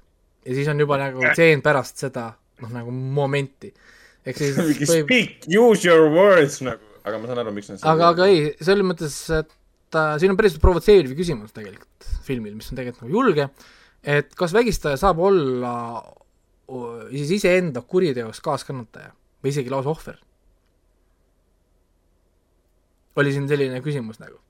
et, et, et, et siin, et siin harva tegelikult nendest räägitakse, näiteks ma olen varem rääkinud seda näiteks, et minu õe siis sõbranna, kes on psühho-, psühholoog, oli üks esimesi psühholooge, kes tahtis küsida meeste käest, miks ta andis naisele tappa näiteks, kui oli kodu vä vä vägivald, siis, siis see film tegelikult mingil määral teeb sedasama ideed, et äkki vägistaja võib ka olla ohver. see tundub nagu veider, aga see, see, et vägistaja on ohver, ei võta ära, et keegi teine oli ohver, lihtsalt meil on nüüd üks ohver juures ähm,. sest üht, üht, ühtegi, ühtegi tegu ei tehta põhjuseta. ja see film nagu selgitas um- umbes, et kui kellelgi on juhtunud traumaatiline kogemus, tal on posttraumaatiline stress tänu sellele, süütunne ähm,. Ja ta, ja puutub kokku naisega, keda ta, kelle ta varem on nagu väga palju tähelepanu suunanud. ja see tseen oli nii vastik selle koha pealt, et kõik algas nagu hästi. seda ei olnud vaja, seda ei olnud vaja, seda ei olnud vaja, mis oli kõige nagu, kõige süütum asi, kontsenti kätte saanud, sa olid, mitte et sa oleksid jah, jahtinud seda naist väga või seda kontsenti jahtinud, see kõik oli äh, ilus ja lubatud kahe inimese vahel. jah, et selles mõttes, et ta naine ju Ja siis tahtis ju, see- naine oli valmis ja siis vend mõtles, et oota, aga ma tahan, et see oleks vägivaldne. jah, ja siis nagu what the fuck, sest ta oli nii traumeeritud, ta oli nii äh, oma, oma nagu elukutse ohver, kuna ta on sõjaväeline ja oli missioonil, tappis süütu inimese ära, ta oli, ta oli selle olukorra ohver. ja, ja ma ei tea, kas film lõpuks nagu selgitas seda väga hästi välja või mitte, et kuidagi pandi kokku, et näed, ta tegi selle traumeeriva teo, tal on PTSD, nüüd ta vägistab. Ei tea. ja ülejäänud oli lihtsalt see, pane ise kokku, kuidas see psühholoogiliselt nagu loogiline on. aga ühesõnaga, jäta, jäta mulle lühidaks, läheb liiga pikaks siin on äh,, mida me kiidame siis, me kiidame, kiidaks Cynthia Tremblay stsenaariumit, see on ilma dia-, ilma dialoogideta kirjutada nii palju teemasid kokku, väga, väga hästi õnnestunud äh, asi. lavastaja see Nicolas Roy, kes siin oli, ta ei tee tegelikult otseselt midagi revolutsioonilist, ta teeb oma, oma, oma töö ära, aga põhiline kiitus- on kõik. kiitus peab minema ikkagist nagu Tremblay'le, sest tema on see, kes seal kogu selle stuff'i kõik kokku pani. ja, ja, ja, ja ta tegelikult tahab alustada vestlust nii-öelda, sa näed ära, et see on see conversation starter, et, et, et juhtida tähelepanu erinevatele osapooltele, kus on, siin on naine ja mees, mõlemal on teatud privileegid, mida tegelikult ei taheta nagu rääkida, meil on selline noh, alla siin on see meeste klassi- klassikaline stuff, et ole mees, ära nuta ja nii edasi, mis siis tekitab probleeme, füüsilisi vaimseid probleeme, millest ühesõnaga on siis hiljem tagajärg, ehk siis ta lash out nii-öelda. ja siis on siis äh, naiste poolt vaadatuna, et mehed, nad ei taha tunnistada, et meestel ei ole tegelikult neid sotsiaalseid äh, tugisüsteeme, kus ennast üldse välja elada, sest keegi kedagi ei huvita, keegi mida mehed tunnevad või whatever. ja siis siin on see niisugune põrkumine, mille tulemusena me siis saame selle loo, mis on veider tõenäoliselt, aga see ongi see point, et see on veider meie jaoks, mitte veider nende jaoks ja see on nende lugu, mitte meie lugu ja kas me tohime hinnata neid, on juba omaette teema. lihtsalt, lihtsalt hea film niisugune silmaringi avardamise mõttes tõesti niisugune, niisugune, niisugune klassikaline väga e e e ebamugav film ka muidugi. ja klassikaline PÖFFi film. jah, sul on ka kohe halb olla äh,. nii äh,, järgmine. film äh, Brothers Keepers või nagu vend vennale äh,. võtame, võtame kohe siis, siis ette, mis on siis niisugune, tekib küsimus, kas on internaatkool või see on vangla. ja, ja, ja põhiline idee siis siin on, et see Türgi lavastaja Ferit Karahan hakkab siis testima meie või publiku kannatust, frustratsiooni piiri, millal me läheme lõpuks närvi, sellepärast et äh, koolitöötajad on saamatud korda kolm ja, ja lugu on siis selline, et algab kohe sellega, et Türgis on külmalaine äh, aega, kusjuures mul läks tükk aega aega, et panna paika, mis ajastul film käib. Nad ei ole sellega üldse nagu selged. hiljem selgub, et see on umbes üheksakümnendad keskel Ah. kuskil. aga see võtab tükk aega aega, et ma jõuaksin sinna arusaamiseni, issand, see on ju ajast natuke tagasi. sest kui see oleks praegusel moodsal ajal, miks ta ei saada emaili või internetti või, no saad aru. nii mm, -hmm aga, aga neid ongi raske, raske saada aru, mis oli ikka point, sest äh, nagu Eestis on ju üldse mitte Eestis, vaid endises Nõukogude Liidus ja nii edasi, on kõik asjad ju ajas kinni jäänud. Meil on ju kovad, kõik täis koole ja haiglaid asju, mis on kuradi ehitatud mis X ajal, mis tegelikult pole uuendatud ju forever, ehk siis nad, nad seisavadki mingis niisuguses, mingis konkreetses ajamomendis kinni. ja siis see frustratsioon hakkab tulema siin sellest, et see lugu ise on nat- natuke nagu annoying ja nad panevad kokku siis äh, klassikalise noh, ma ei tea, klassikaline või mitte, aga ütleme siis Türgi, türklaste klassikaline siis äh, probleem, kurdid versus türklased. meile, eestlastele tähendab see väga vähe, aga, aga sealses kultuuriruumis on pidev kultuuriline põrkumine, sest meil on kaks erinevat keelt ja kaks erinevat kultuuri, kes peavad sama territooriumi jagama. mis on nagu noh, ei ole kerge. ja, ja üks rõhub siis teist, teine rõhub siis äh, kolmandat ja niimoodi see siis äh, protsess nagu käib ja siis lugu ongi siis internaatkoolis, kus nad peavad kõik õppima koos. kõik on vaesed perest lihtsalt saadetud internaatkooli, poisid elavad seal kõik koos, on suur külmalaine ja lugu algab sellega, et nad on kõik pesemas äh, ja poisid on poisid, mängivad seal veega või millegiga ja siis karistuseks määratakse, et nad peavad pesema just külma veega. külmalaine ajal. tulemuseks on siis see, et järgmisel hommikul üks poistest on haige. Ta ei ärka voodist ülesse. Ja muidugi esimesed reaktsioonid on, et oo, et ära ole möku, aja püsti, ära blablabla, blablabla, on ju, lõpuks selgub, et ta ikkagist püsti ei saa. Ja siis äh, äh, on meie loo peategelane väikene Jussuf, kes on tema sõber ja toakaaslane, võtab siis tema hoolitsemise nagu üle, sest kedagi ei koti. talle öeldakse, ah, suva, mine tassi ta arstikabinetti, kuhu arstikabinetti, arstikabinet on lukus, kedagi ei ole, kõik on kinni külmunud. arste ei ole, siis ta peab seda äh, haige poisiga mööda õue käima külm, külma käes, otsima taga inimest, kes äh, teaks, kus arst on ja ei tea, kus arst on, lõpuks leiavad kellelgi on võti. sa seda lahti, siis lukk on kinni külmunud. Neil läheb tükk aega aega, et see lahti külmutada, läheb sinna sisse, seal sees on külm, neil ei ole ravimeid. keegi ei tea, kus arst on, arst läks küll lä- lähimasse külla tooma saia või mingit asja, juust, juustu läks tooma. sellepärast koolidirektor tahtis juustu saada, saatis arsti tooma juustu. on ju, nüüd on kõik lund täis, keegi ei saa liikuma, kellelgi pole talverehve, sest keegi ei viitsinud vahetada ähm,. koolidirektor ei tea midagi, nad ei tea, kuhu helistada, kellele teha, kes kus tegi, miks, miks karistati ja nii edasi, saad aru, kõik on lihtsalt nagu kaos ja samal ajal sul on väikene poiss, kes lihtsalt ei tule teadvusele tal on mingisugune trauma ja siis siin on see müsteerium, mis on poisil viga. onju, ja siit hakkabki see lugu nagu pihta ja vaikselt nagu, nagu pisikeste vihjete haaval me hakkame saama seda story't, mis poisiga juhtus. ja see ei ole seotud selle külma veega, Mhm. see on hoopis teine lugu ja natuke šokeerivam lugu. ja lõpuks, kui me saame teada, mis siis poisiga nagu juhtus, miks ta nagu niisugune on, siis me tunneme ennast reede, reedetuna ja see on tegelikult nagu kavalalt ehitatud. sest äh, ma ei, ma ei taha spoilida mitte midagi, see on väga oluline punkt siin, mis siis selle väikse memoga juhtus.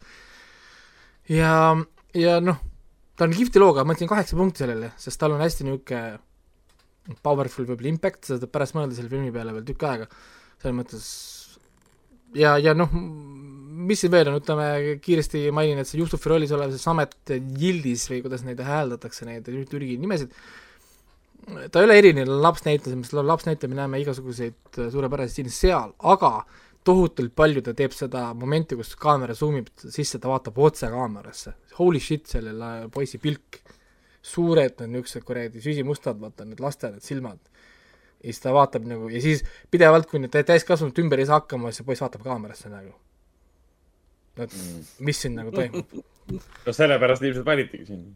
ja noh, Siin- et see on selles mõttes, no ma räägin, niisugune internaatkooli siseelu avastamised, asjad äh,, siin on äh,, oled kurb, siis, siis ja nii edasi, siin laste alandamist, nende peksmist, juuste lõikamist äh,, ühesõnaga, siin on hästi palju tegelikult niisugust nagu noh, nagu stuff'i. nii et, et äh, jah äh,, lõpp on kihvt, huvitav äh, ja annab meile natukene asju, mille üle mõelda. liigume kohe edasi räägime nüüd ära Innocent, süütud kohe aa, jaa. see mulle väga ehk meeldis. siis, ehk siis õudustriller Süütud, mis siis klassikaliselt võtab siis klassikalised lastemängud, mis hakkavad minema veriseks. me oleme varem rääkinud äh, siin osadest nimedest nagu äh, Joachim Trier, me rääkisime filmist Helma, siis Helma üks stsenaristidest Eskil Vogt on siis selle filmi lavastaja äh,. kes tegelikult põhimõtteliselt paneb rotti Helmast enamus asjad siis nii teemad, ideed kui ka atmosfäärid ja, ja muud asjad. on, on, on näha, et Eskilile, Eskil Voogtile väga-väga meeldis äh, Telma peal ja töötamine., ja kirjutamine. ja ongi, talle meeldib see psüh- psühholoogiline triller, mis on tegelikult nagu, nagu hea, siin on ka selline mm. fookuses olev salapäraste võimetega tüdruk siis tegelikult, mis on ka tegelikult nagu Thelma, on ju. Ja, ja siin on siis see sarnane asi, ta toob siis nii teema, atmosfääri, tempot, isegi toonid toob isegi üle, ehk siis ta on väga sarnane tõesti nagu Thelmale. lihtsalt Thelma oli võib-olla kompaktsem kui see süütud, Innocence on natukene aeglasem, eriti viimane kolmandik, kolmandik, mis, mis, mis ei Telma, Telma on tugevam film. ja ei, Telma tugevam, sellepärast et on näha, on, on näha, et Telma on tugevam tänu Trieri osalusele. jah, et, et ongi just see viimane, viimane kolmandik kus nad ju lähevad väga nagu lahku. kui esimesed kaks kolmandikku nad võib-olla hoiavad niisugust väga sarnast joont, siis viimases kolmandikus Telma keeras ennast käima, siis äh, süütud pigem äh, läks nagu alla. või noh, ühesõnaga ta ei saanud ennast nagu nii lõpuks nagu paika äh,. lugu on siis selline, et üheksa-aastane Norra tüdruk äh, Ida oli ta nimi vist, kolib koos Ida, oma oma vanemate autistlikust tõe Annaga uude linna ähm, ja, ja talle ei meeldi see Anna, sellepärast et tema arvates see Anna takistab tema ja tema ema aega, kogu tähelepanu läheb selle vanema õe Anna hoolitsemiseks ja kogu sinna kanti ja siis ta hakkab seda, kiusab seda Annat natukene, ta topib talle klaasikilde sinna tossu, tossu sisse ja lihtsalt näpistab teda ja näpistab, sest ta on veendunud, et ta ei tunne valu, sest ta ei reageeri, sest au- autistlik äh, laps ei reageeri selle peale, on ju. aga, aga õues mängides ta kohtab siis teisi lapsi seal ümber, seal oli see Ben, üks India poiss, taoline, taoline äh, kuskilt sealtkandist pärit, kes siis näitab, et tal on äh, võime liigutada kergemaid objekte mõttejõul mm. -hmm ja siis nad leiavad ühe teise naabritüdruku, kellel on võime põhimõtteliselt nagu lugeda, mingi empaatia, taoline asi, suudab lugeda mõtteid, asju, kes hakkab suhtlema siis selle Annaga ja siis erinevad sündmused hakkavad toimuma, kui Ben hakkab järjest oma võimeid katsetama tahab järjest rohkem näha, milleks ta võimeline on. ja, ja asjad lähevad natukene nihu, sest nagu see promis, premis meile ütleb, et lastel ei ole sellist moraalset koodi, nagu meil täiskasvanud, kasvanutel on, sest me pole neile veel jõudnud seda kõike õpetada, on ju et äh, mis selle filmiga minu, minust kõige tugevam osa ongi siis see Sam Asrafi roll, see noor Ben, sest see film ei saaks toimida, kui Ben ei toimiks. ja, ja see Ben on creepy as fuck, et, väga nagu tüütu Ben on jah see põhi, põhi, põhipaha või, et nagu kui me võtame mingi superkangelase universumi, siis tema on see, ma ei tea, mingi Magneto või? ja, ja, ja siis, siis, siis ongi, kui mingi hetk, kui see film, kui see Ben ekraanile ilmub, sa tead, et midagi läheb perse. Mingi asi on valesti, atmo-, atmosfäär, toon, kõik muutub sellega, et see Ben lihtsalt seal on juba. ja see pole tegelikult lihtne, lihtne roll, mida noorele lapsele peale visata, on ju. kuidas kõik need, kõik need noored näitlejad on jõle tublid siin filmis. on ja siis sam- samuti see, mis oli, Alva Prisnoma, Ramstad, issand, väga raske nimega. kes see- seda autisti mängib. jah, Alva seda, Grimsor Ramstad, jah. jah, ta mängib seda autismi, jah. Nii et, et selles mõttes tal on äh, filmi üldine lõhn on selline Lord of the Flies meet Stephen Kingi mingi laste õudusstory, niisugune sinnakanti minev, lihtsalt on kaks Ja- minutit võib-olla liiga pikk ja põhimõtteliselt jah, aga taaskord see on täpselt selline film, mida ma oskaks soovitada just neile inimestele, kellel on nagu superheroide filmidest nagu kopp ees ja tahaks midagi teistsugust näha, aga samal teemal. olen, olen, olen nõus, on see, seda filmi ei saa enam äh, kuskil näha, sest viimane seanss oli seitsmeteistkümnendal novembril äh, Tartus.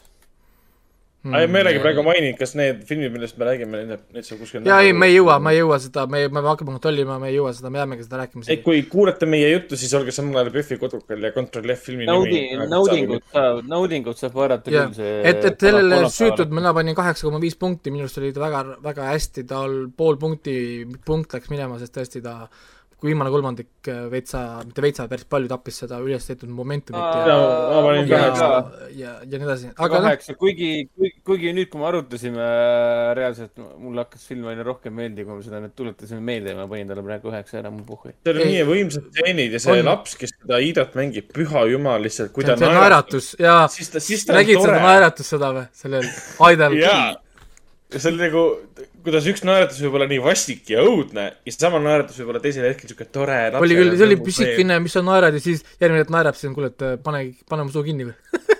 jaa, et, et need kõik need rollid on hästi valitud ja. su enda issid ikka elus või? jah. okei, aga, aga, aga selge, paneme, USA, USA filmidest. paneme jälle edasi, järgmine film, Boom, Sparksi vennad, Sparks Brothers äh,, dokumentaalfilm, kes tutvustab bändi, kellest mitte keegi midagi kuulnud ei ole. ja ma ütlen ausalt, ma, ma ei teadnud Sparksi vendadest mitte midagi. ma olin kuulnud No põhimõtteliselt äh, enamus ei nende nende ainult seda ühte, ühte lugu, mis selle nimi nüüd on äh,? Ah, When do I get to sing my way? When do I Ah, get to sing jah. like Sinatra ti-ta-da-da-da-da-da-da-da. ja mina arvasin, see on kogu aeg Pet Shop Boysi lugu ja see oligi see point, see oli sõna otseses mõttes selle dokumentaalfilmi point, et Sparksi puhul on tegemist bändiga, kes on sinu lemmikbändi lemmikbänd, aga mitte sinu oma. ja, ja, ja, ja see on Edgar White'i lavastatud, me oleme Edgar White'ist rääkinud äh,, tema, tema on siis äh, Last Night in Soho ja, ja see Neto triloogia. Trineto jah, teil triloogia ja siis Scott Pilgrim ja nii edasi ähm. kuidas, kuidas siis nagu noh, põhimõtteliselt on klassikaline dokfilm, dokfilmi mõttes ta on väga basic, rääkiv pea, natuke arhiivimaterjali, rääkiv pea, arhiivimaterjali, rääkiv pea, arhiivimaterjali, kuni film on läbi. ongi selles mõttes nagu dokumentaalfilm, see on põhimõtteliselt promoklipp, reklaamklipp Sparksile. ta on üles ehitatud nagu need Youtube'i filmid, need äh, Frequently Asked Questions või, või Google Search videod või whatever, nad istuvad seal ise, vastavad küsimustele ka ja mind hakkas ilgelt häirima, et nad ise kiidavad ennast. Neil on äh, perse täis staare korja-, kokku korjatud sinna rääkima nendest Sparksi vendadest, nad kiidavad ka neid Sparksi vendasid, jaa. Aga miks nad ise kiidavad, kiidavad ennast? keegi peab seda tegema. kuhu dokfilm. ei no lihtsalt see hakkas mind veitsa, veitsa nagu häirima, et noh, miks sa ise ennast kiidad. aga, aga jah, Sparksi vennad siis on mega kaua aega tegutsenud äh, üliproduktiivsed äh, nii-öelda antikapitalistlikud siis äh, esinejad, kes äh, hindavad originaalsust üle kõige muu, mis on ka võib-olla põhjus, miks me neist pole kuulnud ja põhjus, miks me teame seda lugu äh, mis ma just laulsin siin ennem, ongi see, et nad mingi hetk korraks andsid nii-öelda alla ja lasid produtsendil teha ja müüa ja kohe kõik teadsid seda lugu siis kui nad oleks andnud nagu järgi produtsentidele ja inimestele, kes oleks nende lugusid timminud vastavalt trendidele, et olla edukas, nad oleks tõenäoliselt olnud tõesti mega hitt bänd, aga nende jaoks oli olulisem olla nii, nagu nemad tahtsid olla, siis nad pidid maksma selle eest hinda, et nad olid ajas kogu aeg ees, niimoodi, et keegi teine tuli, nägi nende asja, neile meeldis, nad tegid sama asja uuesti, nemad olid kohe hitid. Ehk siis Kraftwerk, isegi Queen ja, ja see Pet Shop Boys ja nii edasi. on ju.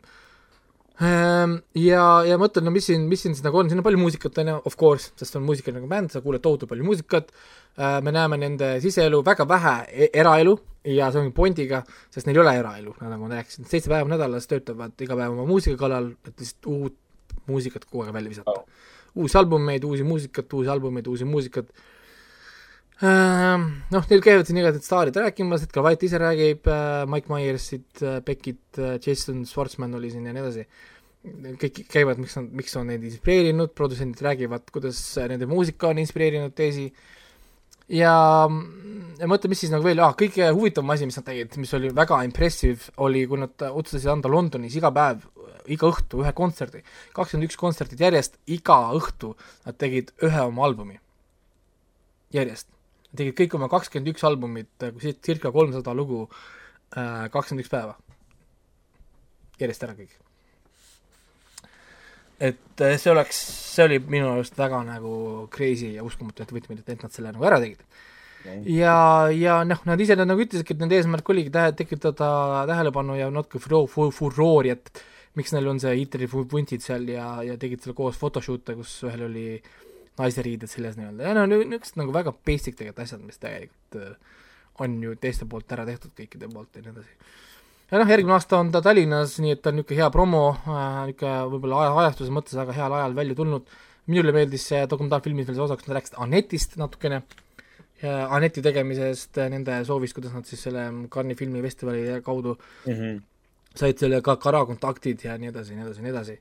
kus kohas ka siis Siim kohta- kohtas neid Sparksi vendasid siis oma selle äh, foto peal, mis ta, mis ta meil siin, siin Face- Facebookis jagas ja niimoodi ta siis käiski. Siim ja see oli nii väga, üldse polnud kade tunne. mul ei ole absoluutselt ka tunne, sest Sparksi vennad jätavad mind endiselt külmaks, mis oli, oli, oli ka see minu kommentaar siin arvustuses, et Sparksi vennade dokumentaalfilm tut- tutvustab mulle bändi, kellest ma polnud ennem kuulnud ja peale filmi ma neid ikka edasi ka kuulda midagi ei taha, nii et whatever. kusjuures ma mingite tu- tuttavate kaudu nägin mingeid kommentaare, et keegi oli Delfis lugenud pealkirja, et äh, ei tea, kes on nagu Sparksid ja olid vihased seal olnud. mis mõttes sa ei tea? kuidas kriitik saab tunnistada, et ei tea? aga see ongi see, et sina võid ju teada, aga ülejäänud maailm tegelikult ei tea ja on sina kui kriitik ei- väljendasid seda üldist tundmust, et enamus ei tea. ei no see on seesama, et läheb küll juurde Jah.. kuidas sa tead, kes on, kes on Hiro McQueen? nagu, ah, kuidas sa ei tea? täpselt. ta kirjutab need kakskümmend viis mangat, no jaa, aga meil on mangasid, täpselt noh, ongi, ongi kogu nagu teema noh, et Ja-, et miks sa, miks sa, miks sa pead ja- teadma? ma ei ja kuule muusikat. see, ja kumb see, kumb see kriitik, kumb see kriitik siis nagu ausam on, see, kes ütleb, et Sparks Brothers või? jaa, ma vaatasin doki ära, nüüd ma tean, kes need on, kus ma peaksin teadma. aga, aga samal ajal mõni teine kriitik võtab reaalselt ette, loeb Vikipeedia läbi kõik niimoodi ja pärast ütleb, et jaa, mina teadsin küll Sparks Brothersi kohta ennem. Mina teadsin kõike, mina läksin doki vaatama ja siis ma teadsin. Sorry, see, kui sa loed ühe, ühe, ühe vii-, viie minutiga Vikipeediat, ei tähenda, et sa tead midagi Brothersist. tunnistan ausalt, ma ei tea mitte sittagi, ma pole doki ka näinud, küll ma vaatan ära, siis ma Ei, tean natukene. ei, ma tean, ma ma- paningi sinna, et ma, Pärast te, ka kuuled, ma teadsin ainult seda, seesama see üks lugu Men do I get to sing my way ja ongi, ma ei hakka kuulama neid. põhiline põhjus on see, et mulle ei meeldi nende, nende muusika, ongi nagu kõik. hästi, ma võin küsida siin eh, mõne Eesti kriitiku käest, et äh, kas te kuradi tark, tark, tark Tranquility kuulate või? oh, mis see on? Gothenburg Metali üks peamisi pioneere, kes ikka veel tegutseb, teeb sama sound'i kuradi kolmkümmend aastat pärast nagu sündimist või? sa ikka veel pole seda kuulnud, sa ei tea, mis see on või? noh, ma võin samamoodi küsida. ei no jaa, ei no see ongi, et see on nii alaspetsiifiline asi, noh, mis iganes No et et lähed kellegi juurde, et kuule, et kas sa seda matemaatikateoreemi tead või? Kuidas sa siis arvutad asju? aga ma ei arvutagi. nagu ongi kõik, et see, see on paraku nii, ei see on see, et meile tundub veider, et inimesed ei tea asju, mida meie teame, aga tundub normaalne, et kui meie ei tea asju, mida teised teavad. nii, aga aga liigume kohe Pumaki järgmise filmi juurde, milleks on maailma kõige ilusam poiss äh,, äh, dokumentaalfilm The World's Most Beautiful Boy äh,, äh, mis on siis nii-öelda nagu lapskuulsuse hinnast ilu täies õies lugu, kuidas üks kergelt creepy pedo äh, tugeva lõhnaga Äh. äh, äh, režissöör Äh. Luciano Visconti otsib oma filmi Surm Veneetsias peategelast, kes siis on kes see raamatu autor oli ah,, Toomas, Mann oli, Toomas Manni nii-öelda enda kirjelduse järgi on täiusliku ilu nagu niisugune nagu näide, näide nii-öelda. ja siis äh, Visconti käib, otsib äh, noori poisse, neliteist, viisteist vanuses. ja lõpuks leiab siis selle Stockholmist, kes on see õrn häbelik noormees nii-öelda äh, nimega Björn äh,, issand, mis ta perekonnanimi oli, Björn Andresen, kes, kes siis äh, saab selle rolli endale. Ja nojah, kuidas, kuidas seda võtta nüüd, et see on väga huvitav dokfilm igal juhul, mulle väga meeldis, ma olin väga engaged, sest äh, ta tõesti võtab üksipulgi läbi, mida tähendab olla lapsstaar. ja, ja kuidas nagu see maalilahutusmaailm sinust tegelikult räigelt traktoriga üle sõidab lihtsalt. ja see on õpetlik lugu, see on häiriv lugu, see on kurb lugu ja, ja, ja, ja kui ta, ja näitab ka seda muidugi, kui kiiresti üks inimelu tegelikult läheb sest me näeme nüüd ju teda tänases ajas, kus ta on juba vanamees, pension, pensionär ja siis ta räägib oma lugust siis noorest east, kus meil on palju videomaterjali, kus ta on selline särasilmne ja noor poiss. ja sorry, aga see esimene moment, kus nad näitavad seda esimest kohtumist selle Visconti ja siis selle Bjorni vahel seal casting'u ruumis, kus see Visconti on nagu sõnas mõttes mingi shopping'u tuuril olev kuradi pedo, kes vaatab me, menüüst on talle poisse välja. kuule, võta, võta särk ära, keera ennast, siis mingi, mingi keel käib ja mingi huuled käivad ja mingi keera aeglasemalt, kuule mine toeta vastu seina, mingi uuf, oh, mul oli nagu oh my god, pange kinni see klipp. Mul oli nagu ebamugav seda vaadata, et nagu mida, mis siin toimub, kus on vanemad, miks, miks, miks, miks, see see- see on casting, kuidas sa aru ei saa? miks sinna tuuakse mingisuguseid kuradi poisse sinna talle, vennale vaadata, vend mingi oh, ja siis ta pidevalt siin oli ka, kuna Visconti terve põhimõtteliselt filmi crew olid geimehed, siis oli pidevalt saadeti välja memosid nende meeldetuletuste jaoks, et kõik hoiaksid oma käed eemal Burnist. ahah, nagu what okay. The fuck, nagu actual nagu what the fuck, filmi ajal te ütlete what the fuck päris palju kordi. kuidas see oli lubatud kuul-? kuulis sind ütlemas ma ei tea, kas ma tahan seda näha. kuidas see oli lubatud, teatud asjad, käitumisasjad, issand, seesama see Cannes'i filmifestivali, see pressilinnas, oh my god.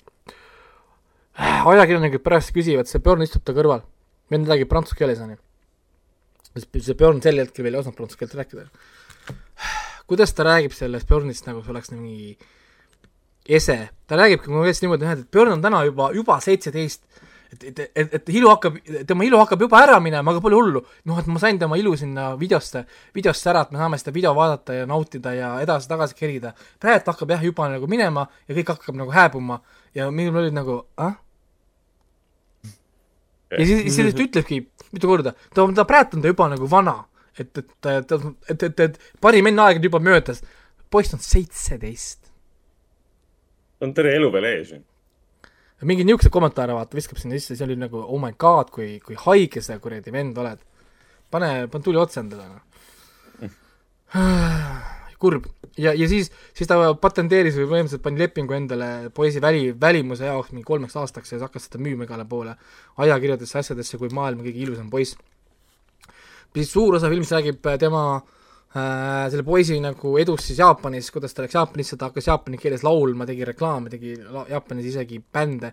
Jaapani naised viskasid talle ennast peale tüdrukud, sest ta oli läänemaailma selline ootamatu olemasolu, sest nad olid vaadanud animet kogu aeg, kus joonistati niisuguseid nagu neid inimesi ja karaktereid ja nüüd tema oli siis nagu see päris anime karakter. ta näitas, näitas meile mitu animet, kes võtsid inspiratsiooni Björni pealt, ma ei teadnudki seda nii palju klassikalisi animesid võtsid porni kui selleks iluideaaliks, kellele ehitada karaktereid üles. nii mõjukas nagu, tervele žanrile ka veel. ja, ja lu- laulud ka, laulud on siiamaani veel teemas äh,, mingid Jaapani moo-, moodi ta muutis tohutult äh,. Jaapanis ta, ta oli Jaapanis põhimõtteliselt nagu mingi jumal, nii-öelda. ja, ja ta oli täiesti crazy seal, noh, Jaapanis nagu, kuidas kõik asjad nagu käisid nagu noh, nagu läbi. ja siis tõesti ta dokumentaalfilmis ta läheb kohtuma Jaapani vanade oma Jaapani agentidega ja kohtub mõne vana manga artistiga, kes teda joonistas sellel seitsmekümnendatel ja siis, kuidas teda kasutati ka ikkagist kohe nagu ära, temast tehti mingit gei asju ja värke ja siis mingid rikkad Prantsusmaa mehed ostsid teda endale nii-öelda äh, Prantsusmaale. mis noh, see et- tähendab? Äh, vaata, vaata siin kohas dokumentaalfilm jättis natukene asja nagu lahtiseks. Nad kord-, nagu, nagu. jaa, nad kordagi ei öelnud, mida nad temaga nagu tegid. aga nad Nagu sõna otse, otseses mõttes, et äh, osteti nagu tema seltskonda nii, et ta elas nagu nende korterites kuskil Pariisides ja värkides, ta, ta sai üüber palju taskuraha iga nädal või iga päev, et linnade peal nagu käia ja kulutada ja siis, kui ma tahtsin, et see dokumentaalfilm küsiks, et mida sa vastu pidid andma siis selle eest, et äh, sind nagu niimoodi osteti, siis seda ei küsitud kordagi. ta nagu veetis nendega aega nagu avalikkuse ees ka või? jah.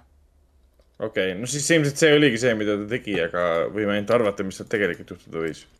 mis siin toimub nagu? ei, ei, see on crazy. Visconti nagu, püha jumal, nagu keegi võiks normaalne ka olla. mitte ainult diskonti, vaid nagu mis, mis üldse toimub, miks keegi ja, midagi üldse ja, ja siin oli kusjuures Oh huvitav ka, niisugune huvitav lause tal käis läbi, kus kohas ta Björn ka nagu mainib oma siis naisele, kes nutis konkreetselt, sest naine kuulis tema lugu esimest korda selle filmi jooksul. huvitav huvitav lause üks nagu oligi, et iga kord, kui ta proovis seda nagu rääkida, teda ignoreeriti, sest ta on mees. Mm. ta saigi klassikalisi neid nagu äh, kommentaare umbes, et äh, noh, aga ole nagu mees või, või sa oled ju nagu mees, mis sul nagu häda on, et push through ja ma ei tea, whatever stuff'i vaata. ja, ja muidugi tal ela, tema eraelu traagika käib siit läbi äh,. ta kasvatas ilma isata, ilma emata, me saame teada, miks. ta esimest korda läheb oma uurima, kes ta isa võis olla, hakkab arhiividest otsima, mis temaga juhtus, ta saab teada, mis temaga juhtus, ta loeb seda, mis temaga juhtus, me näeme seda laivis, kuidas ta saab teada, mis temaga juhtus.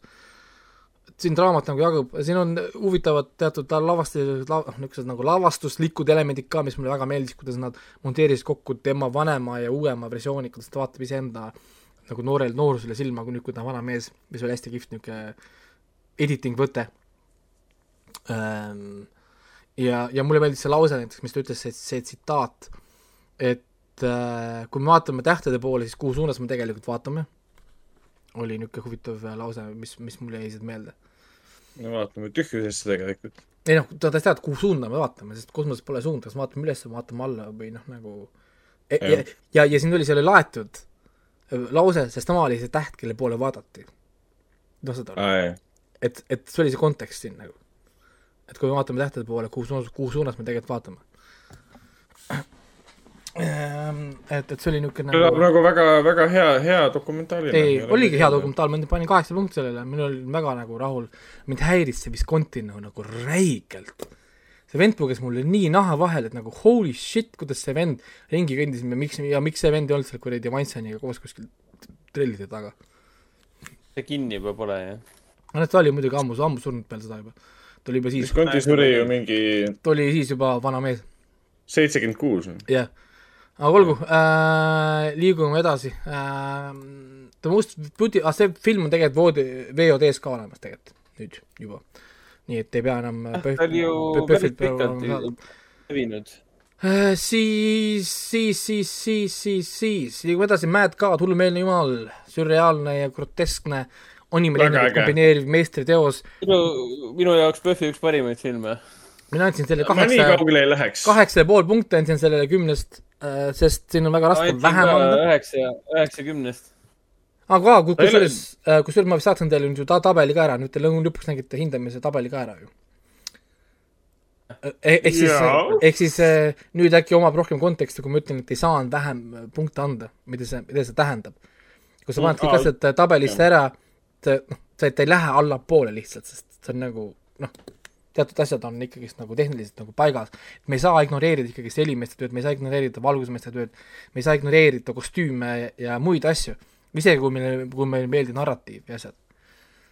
et, et me ei saa lihtsalt, aa, film on kaks punkti, ahah, kaks punkti, how, noh nagu, et aga ülejäänud asjad jah, täpselt. Ja selle hullumeelse jumalaga samamoodi, mina, mina sellest Philip, Philip Tippetist või Phil Tippetist, sorry, Tipeti, sama teema, mis selle, mis selle Sparks Brothersiga, sorry, ma olen noor, ma ei teadnud, lihtsalt ei teadnud, kes, kes täpselt, mis ta on ja, aga väga põnev, põnev oli tagantjärgi uurida tema kohta. aa ei, selles mõttes, ega Jurassic äh, Parkis osales ja pioneere, mis puudutab SFX-i ja kõike seda, vaata mina mainisin tegelikult siis, kui ma rääkisin Star, sellest Star Strip Troopersist. jah, jah, sa mainisid küll ja tegelikult. siis ma tegelikult nagu mainisin ja mainisin teda sellepärast, et ma teadsin teda varem Star Warsi sellest ähm, dokumentaalfilmist, esimese kolme, esimese triloogia tegemisest. ja, ja ma teadsin teda tänu nagu sellele. mina, mina enne nagu ka ei teadnud, ma lihtsalt sealtkaudu nagu jõudsin nii-öelda noh, nagu noh, ringiga temani. ja, ja, ja siis see film siin ongi, ta on visuaalne silmakomm, siis ütleme, ütle, ütleme siis nii sest ta on, tal on see indie videomängude või indie õudusmängude niisugune appeal, ta näeb välja nagu mingi moodne Steam'i Unity mäng äh,. Narrat-, narratiiv on sürrea-, sürreaalne, ehk siis siit ei saa leida ühtset konkreetset äh, äh, vastust tõenäoliselt ähm,. siis ta esitab ennast nagu äh,, kuidas see on, eluliselt olulist ja antud universumis kui normaalset situatsiooni. aga meile on see tegelikult kõike kui muud kui normaalne siis seal nagu veidras kettas need karakterid kõik vaatavad seda asja kui aa, see on täiesti no normaalne käitumine, on ju. Et siin on palju neid paralleele siis selle hitmängu frantsiisiga Dark Souls, sest ta on väga sarnane lähenemine, küsimus on, kes keda inspireeris, sest nad aja, ajaliselt kattuvad väga palju, nad jooksevad üksteist risti, risti läbi mööda, sest aa, seda Mad Gadi ta alustas tegemist tuhat üheksasada kaheksakümmend seitse. mainin siis ka selle ja, ja vahepeal ta lasi välja nagu lühifilmidena neid juppe, ma vaatasin, neli tükki on välja lastud. Ja siis lõpuks ta sai nagu hooandjate ja muude asjade toetuste sõprade-tuttavate kaudu selle filmi nagu tehtud. ja kõige huvitavam ongi selle filmi juures nagu see, et sa ei pane tähele, et filmi esimesed viis minutit on võib-olla tehtud kaheksakümmend seitse, sest see on ära uuendatud tõenäoliselt. aga, aga tal on see vanakooli stiil juures selles mõttes, sa saad aru, et see on see, mida tänapäeval enam ei tehta. enam ei tehta käsitsi efektidega selliseid filme. ja, ja sa oskad teha nagu, hinnata aga. mitte, aga No mitte massiliselt. nojah, mitte massiliselt, aga sa oskad selle filmi juures hinnata seda tööd, mis on sinna läinud. on ja see on jõhker, see on jõhker oma näppudega neid nukke seal liigutanud ja Jaa. teinud. mitte, et arvutianimatsioon oleks nagu väiksem töö, aga sa kuidagi hindad rohkem, kui sa saad aru, et inimene on kätega. ja point on selles, et kuna, kuna see on tehtud käsitsi, siis iga tseen on laetud detailidest pungil. Et hiljem, et. hiljem, kui ma sattusin lugema nüüd, kuna see Facebook ja Google kuulab iga minu asja ja kui ma kirjutasin veel ka sellest, siis muidugi Facebook leidis, et sa peaksid lugema artiklit.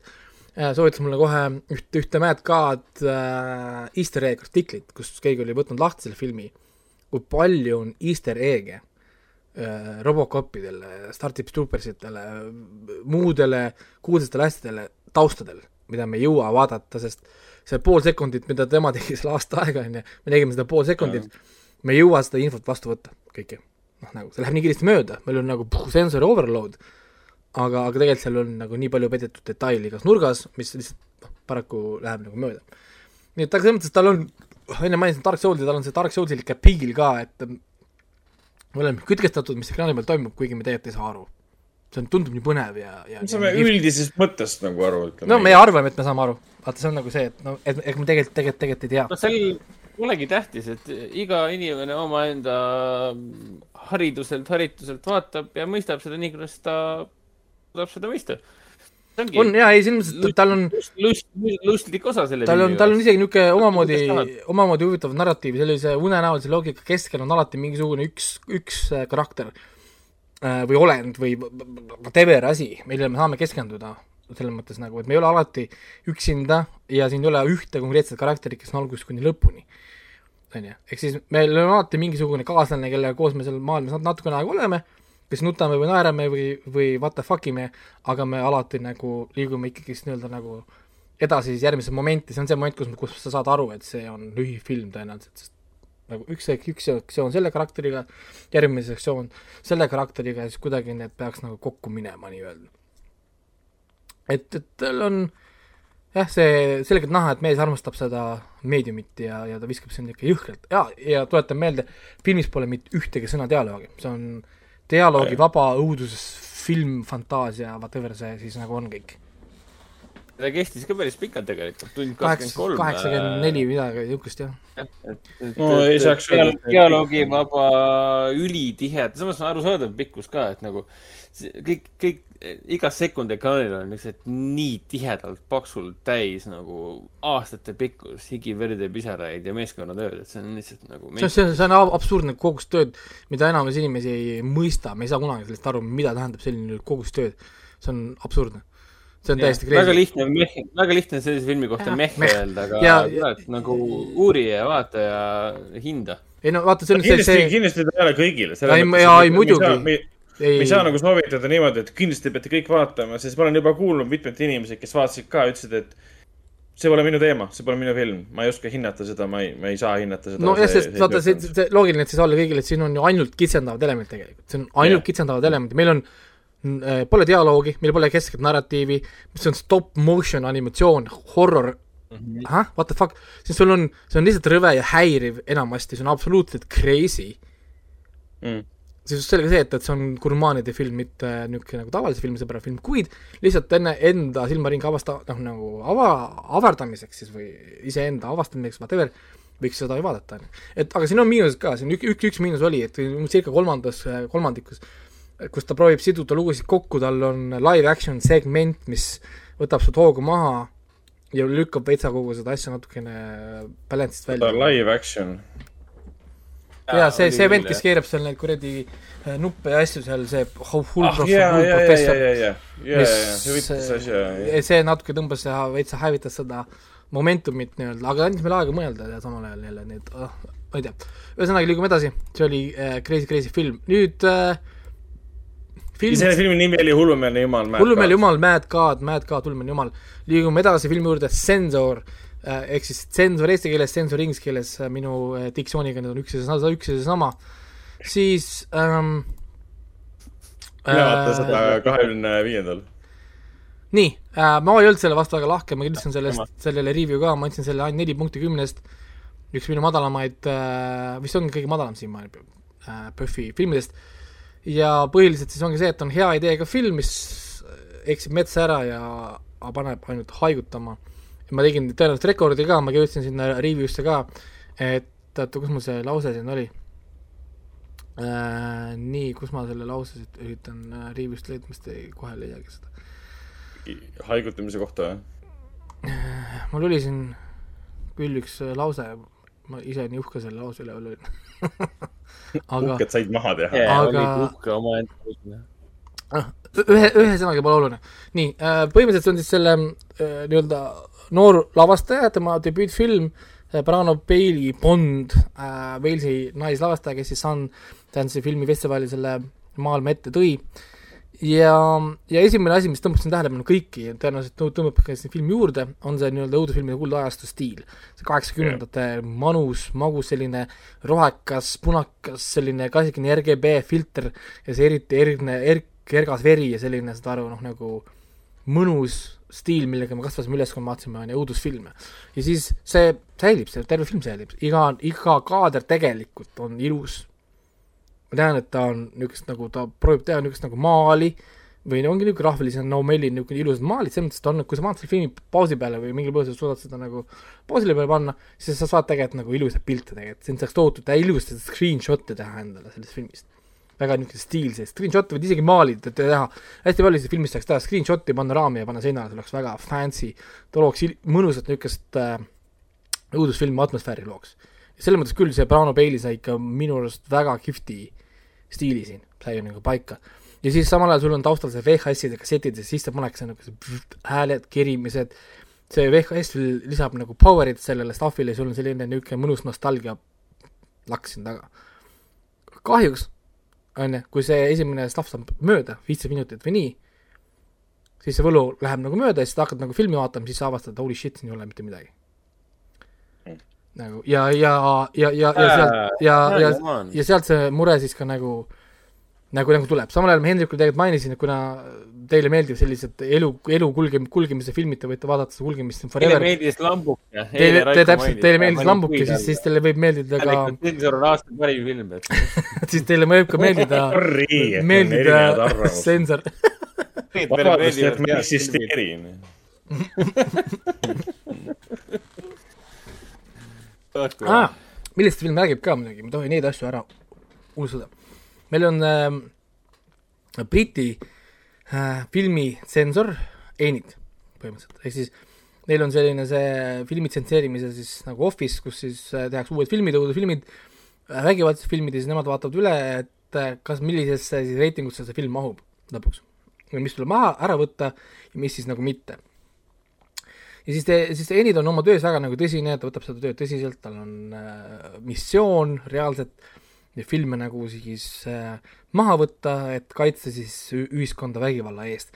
samal ajal neil on taustal telekates asjades igal pool kogu aeg uudised, et oo, et vägivallalaine on üle Briti ja süüdi on need õudusfilmid, need VHS-idega koju minevad õudusfilmid, kus inimesed näevad kodus vägivalda ja kõiki asju, või siis noh, nagu tänapäeval on videomängud süüdi, siis siin filmis on süüdi äh, äh, filmid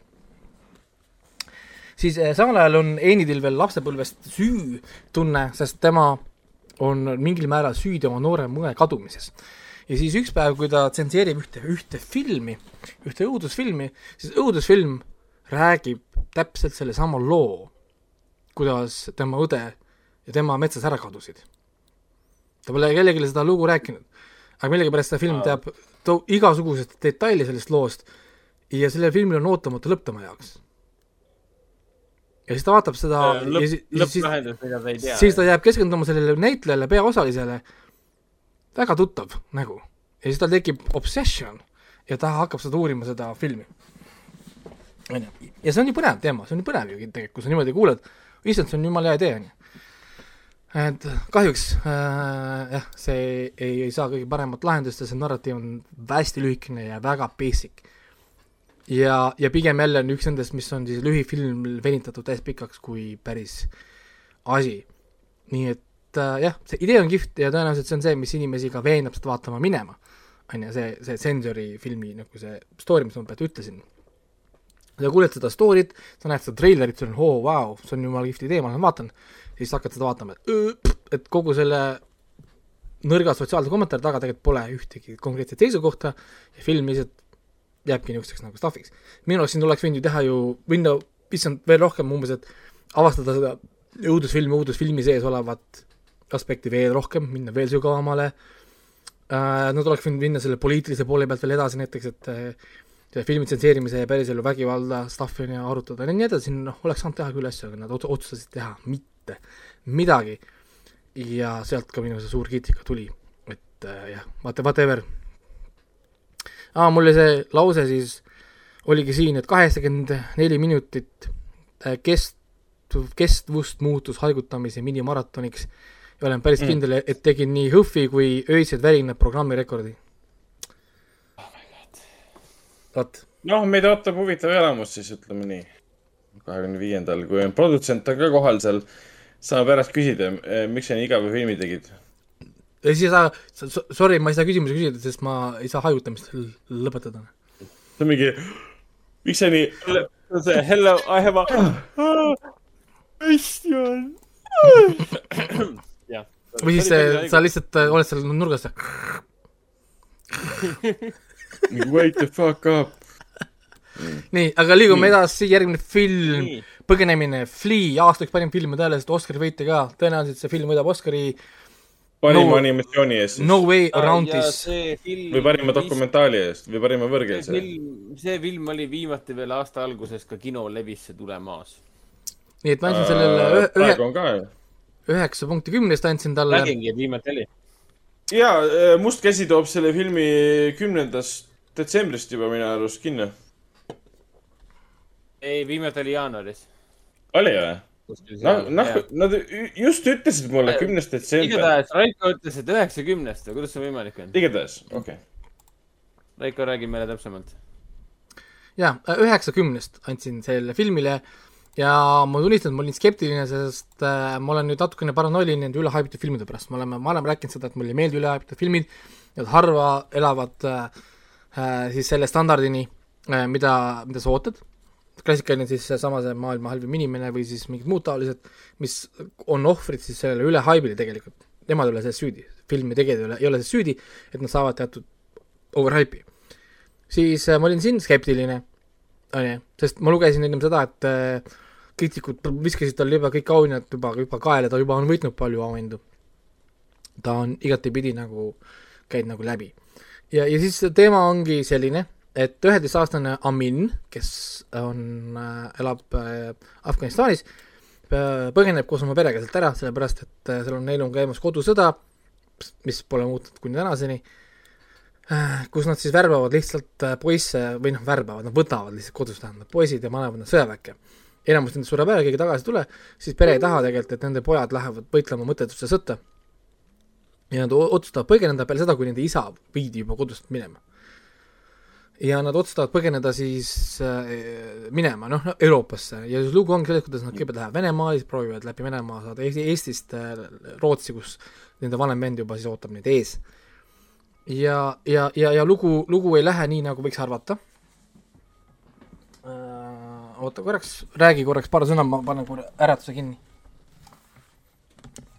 Ja igatahes ma uurisin praegu levitajat üle ka, et millal siis tegelikult äh, me näha saame põgenemist Eesti kinode ees, aga ta peaks ikkagi tulema, nii et kõik see, mida Raiko praegu kiidab, te, te suure tõenäosusega näete seda kas siis uuel aastal või selle aasta lõpus ka kinodes ja loodetavasti ka kinosartis.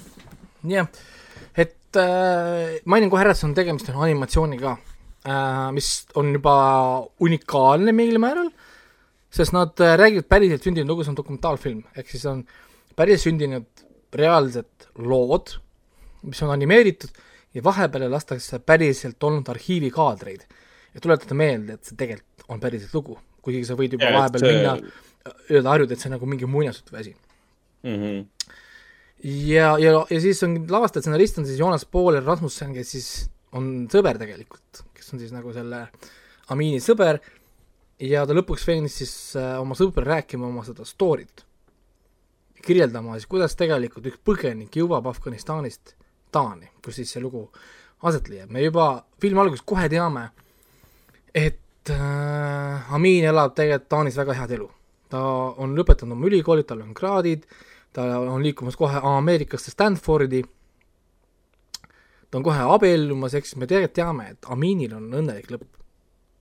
nii-öelda, me juba alustame lõpust, aga see teekond nüüd, kuidas ta sinna jõudis? ja mainin ära, et Amin on ka gei, gei poiss Afganistanis keset islami.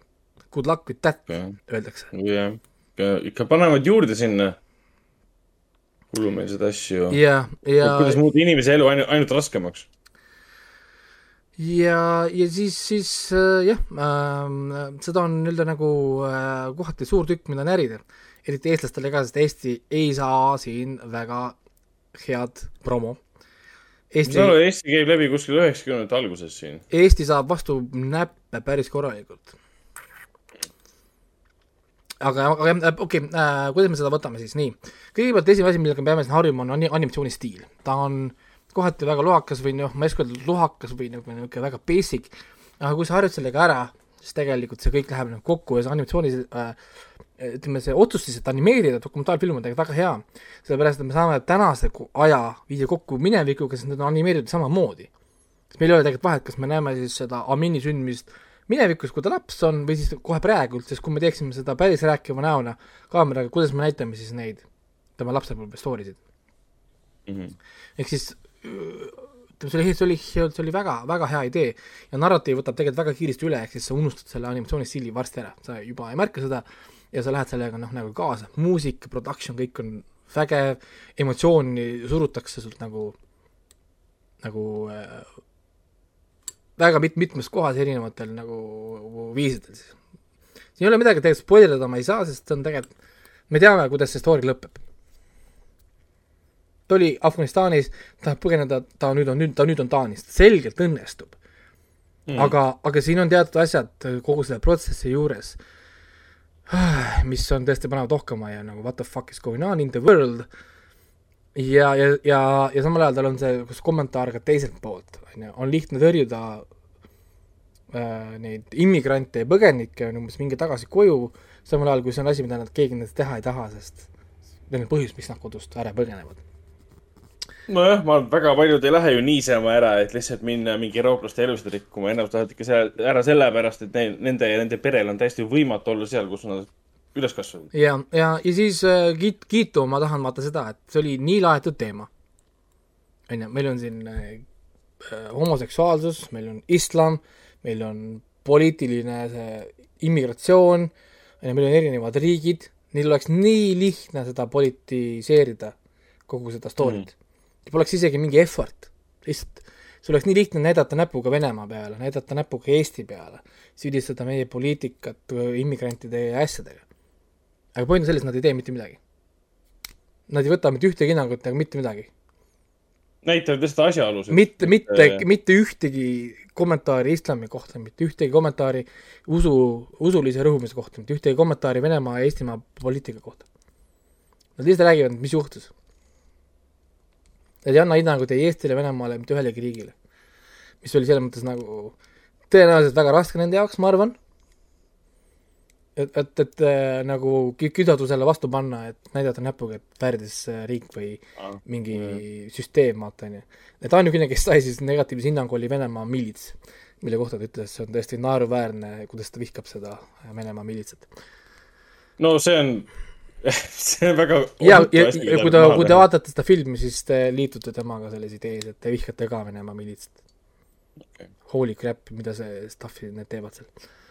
ühesõnaga see selleks ähm,. siin on nüüd, ma räägin siin see, siin kihti nii palju, seda filmi on raske niimoodi nagu rääkida, siin on see geo-, geograafiline põgenemine ise, mis on väga basic, me teame, mida see tähendab, geograafiline põgenemine on ju. siis usu, usulise põgenemise teema, see on natukene keerulisem juba. noh, sest islam ja homoseksuaalsus, noh jah, on ju, kuidas need ja, ja see on nagu noh, ja, ja siis see kolmas kõige võib-olla isegi võib-olla kõige olulisem nendest, mida on, on siis selle Amini enda nüüd selline nomaadilik eluviis pärast seda põgenemist. ja see filmi nagu reaalsuses olev aeg, kus ta otsib kodu, ta proovib kodu defineerida, ta ma küsitakse, mis, mis on kodu? ja siis mulle meeldib Amini vastus, et kodu on see, kus ma lõpetan jooksmise. mm.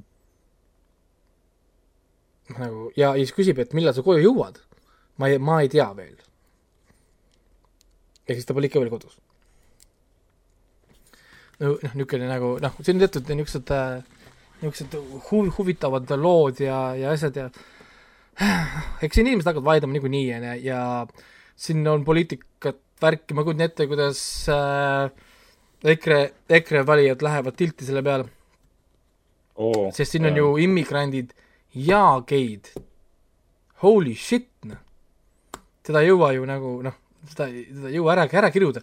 isegi kinoveebis ei ole mõtet kommentaare lugeda selle riivi all. ei, ma vaatasin ka kohe kuskil Facebookis oli ka ja inimesed lihtsalt äh, panid siin mingi häirivaid nägusid või noh, need vihased näod, et ei ole mõtet. ei, et, et hoiame seda en- en- ennast nagu kokku. ja see lugu on mittelineaarne, mis on obvious, on ju, sest noh, seda ei saa niimoodi rääkida. Ja siin on tõesti see klassikaline niisugune imelise kino maitse juures, vaata noh, mida sa tun- tunned, noh, ei, ei kohta väga tihti. aga, aga sa tead juba väga kiiresti, et sa vaatad midagi, midagi head. ja, ja niisugune minu ainuke kriitika ongi siis see, et kuna Rasmussen ehk siis lavastaja, stsenarist on selle Amini sõber, siis ta ei ole tegelikult mm., ta ei ole objektiivne antud, antud loos ta tahab ikkagist nagu maalida head pilti. on ju, aga no see, ma räägin, see on niisugune kaebus, niisugune vä-, vähetähtis võib-olla kaebus, sest see polnudki tegelikult nagu point, on ju. Nad teevad kõik need teemad käsitlevad väga hästi, siin ei ole mingit ohvriolümpiat ega mingit traumarallit umbes, et kes, kes on suurem ohver või, või ikka ta rõhutakse rohkem, kas, kas sellepärast, et ta on moslem, immigrant või gei või whatever, on ju. seda siin ei ole kordagi, Amin ütleb, et tal on väga hea elu, ta kõigega tegelikult nagu, nagu on hästi ja, ja lõpp on kihvt ka lõpp on hästi emotsionaalne, saalis meil seal ümberringi pidajaid oli vasakule-paremale, mina olen juba ammu öelnud, et minul ei toimi need ammu need pisarakanalid, aga, aga, aga ümber teistel inimestel ikkagist toimisid ja ja, ja vist isegi Siim oli, tuli siis sa- sa- saalist välja, silmad valged peas, häärtab peas. et äh, ei, siin Powerit on äh,, Powerit selle filmi jagub äh, igal juhul kindel soovitus, väga easy soovitus ja tõenäoliselt ka läheb mul aastat toppi, kui nüüd tõesti väga palju filme siia ette ei mahu, aga Flea on jah äh,, Power Power stuff ja Osk-, Osk-, Oscaritel tõenäoliselt ta võidab mitu Oscarit isegi, ma arvan, mitte ainult ühe. järgmine film on äh, nii, nii, nii, nii, nii äh, sada, sada seitse ema. aa, see oli see hullumeelne, hullumeelne dokumentaalfilm. see on siis dokumentaalfiktsioon tegelikult, mis siis põhimõtteliselt heidab pilgu trellide tagusele lapse kasvatusele. ja see toimub siis Ukraina äh, vanglas, Odessas siis äh, vanglas ja siis on siis Slovakkia lavastaja Peeter Kere-, Kerekes või Kerekes või kuidas nad hääldavad, projekt, kus ta siis segab dokumentaalse filmi ja fikt- fiktiivse lavastatud filmi siis nagu mm. -hmm. kokku, ehk siis sul on väga raske saada aru, kas see on dokumentaalfilm või see on tegelikult lavastatud film. see on mõlemat tegelikult. Mhm.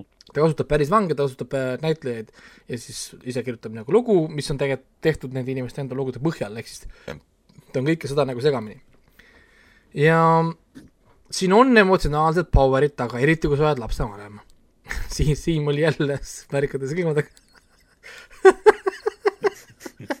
aga, aga, aga siin on power'id küll ja see on hale lugu, sellepärast et äh, kui naine sünnitab vanglas lapse, siis ta sarnaselt Ukrainas on ka Eestis samasugune seadus, laps on sinuga koos vangis kuni kolmanda eluaastani. kolmanda, jah. ehk siis äh, minu, minu kolmas laps on saama varsti kolm, eks ma ei kujuta ette, et ta peaks olema siiamaani vang-, vanglas kuskil. ja siis, kui see kolm aastat saab täis äh,, tuleb ta kas pere juurde parseldada, et ta jääb ema ootama sinna või ta läheb laste, lastekodusüsteemi. ja, ja kurvaks teeb ka nagu see, et osad naised teevad ennast meelega rasedaks, et saada siis paremat kohtlemist ja minna sinna nii-öelda nagu mother ward'i ja samal ajal neid see laps, laps ei koti absoluutselt. ja, ja siis see lugu, see sada seitse ema ongi sellepärast, et seal on sada seitse naist on siis selles ähm, noh, nagu osakonnas siis ja enamus nendest on seal mõrvade eest ja meie siis keskendumegi või siis lavastaja, see Kerekes keskendubki siis nendele mõrva ees kinni olevatele naistele. ja neid kõiki ühendab siis see asi, et nad on vangis armastuse pärast, ehk siis nad taba, tabavad siis kas oma mehi või oma meeste armukesi. nii-öelda. ja, ja siis teiselt poolt meil on siis see vangivalvur Irina, kes on nii-öelda nagu publik mingil määral ja tema on siis nagu neutraalne ülevaataja, kes kasvatab nagu neid naisi siis samal ajal, kui need naised kas- kasvatavad oma, oma lapsi. ta loeb kõikide nende kirjad üle, mis meeste, meeste, meeste poolt tulevad. ta, ta sodib ära kõik need mittelubatud asjad, mida umbes kirjades ei või olla ja tema kuulab nende telefonikõnesid pealt, kui neil külalised käivad, ta annab neile tunde, õpetab neile, kuidas kohtunikega suhelda, eks ta on nagu neile ema. saad aru, nagu emadele, ema hoolitseb seal, seal ja samal ajal Irina äh,, Irina tähendab äh,, tunneb ise puudust armastusest ja elust väljaspool trelle, kuigi ta on tegelikult nagu vangivalvur, ta ei ole ju vangis. aga film nagu jätab nagu mulje, et ta on ka tegelikult vangis seal koos endaga, sest ega tal ei ole muud elu tegelikult peale selle vangla ähm,. et, et äh, jah, ta on niisugune, siin on päris palju stuff'i siin filmis, selles mõttes, et, et äh, noh, kuidas nagu võtta, on ju, et, et siin on teatud fakti, ütleme, film ehitab ennast tegelikult üles nagu faktile, et teatud asjad on naistele lubatud ja meestele mitte. Mhm. ja, ja, ja näiteks siin oli üks, üks, üks nagu nali, kus kohas siis äh, naisele tehakse sellist läbivaatust ja siis see arst küsib, et kuule, miks sa vangis oled? armukadeduse pärast. ja siis, siis ta teeb nalja, oh ma, ma mõistan sind täielikult. ja siis terve saal naelis nagu. ja siis mina korra mõtlesin, et aga kui oleks, kui mul oleks pidanud vastupidi, et mul oleks mehed, kes üt- ütleks seda sama asja.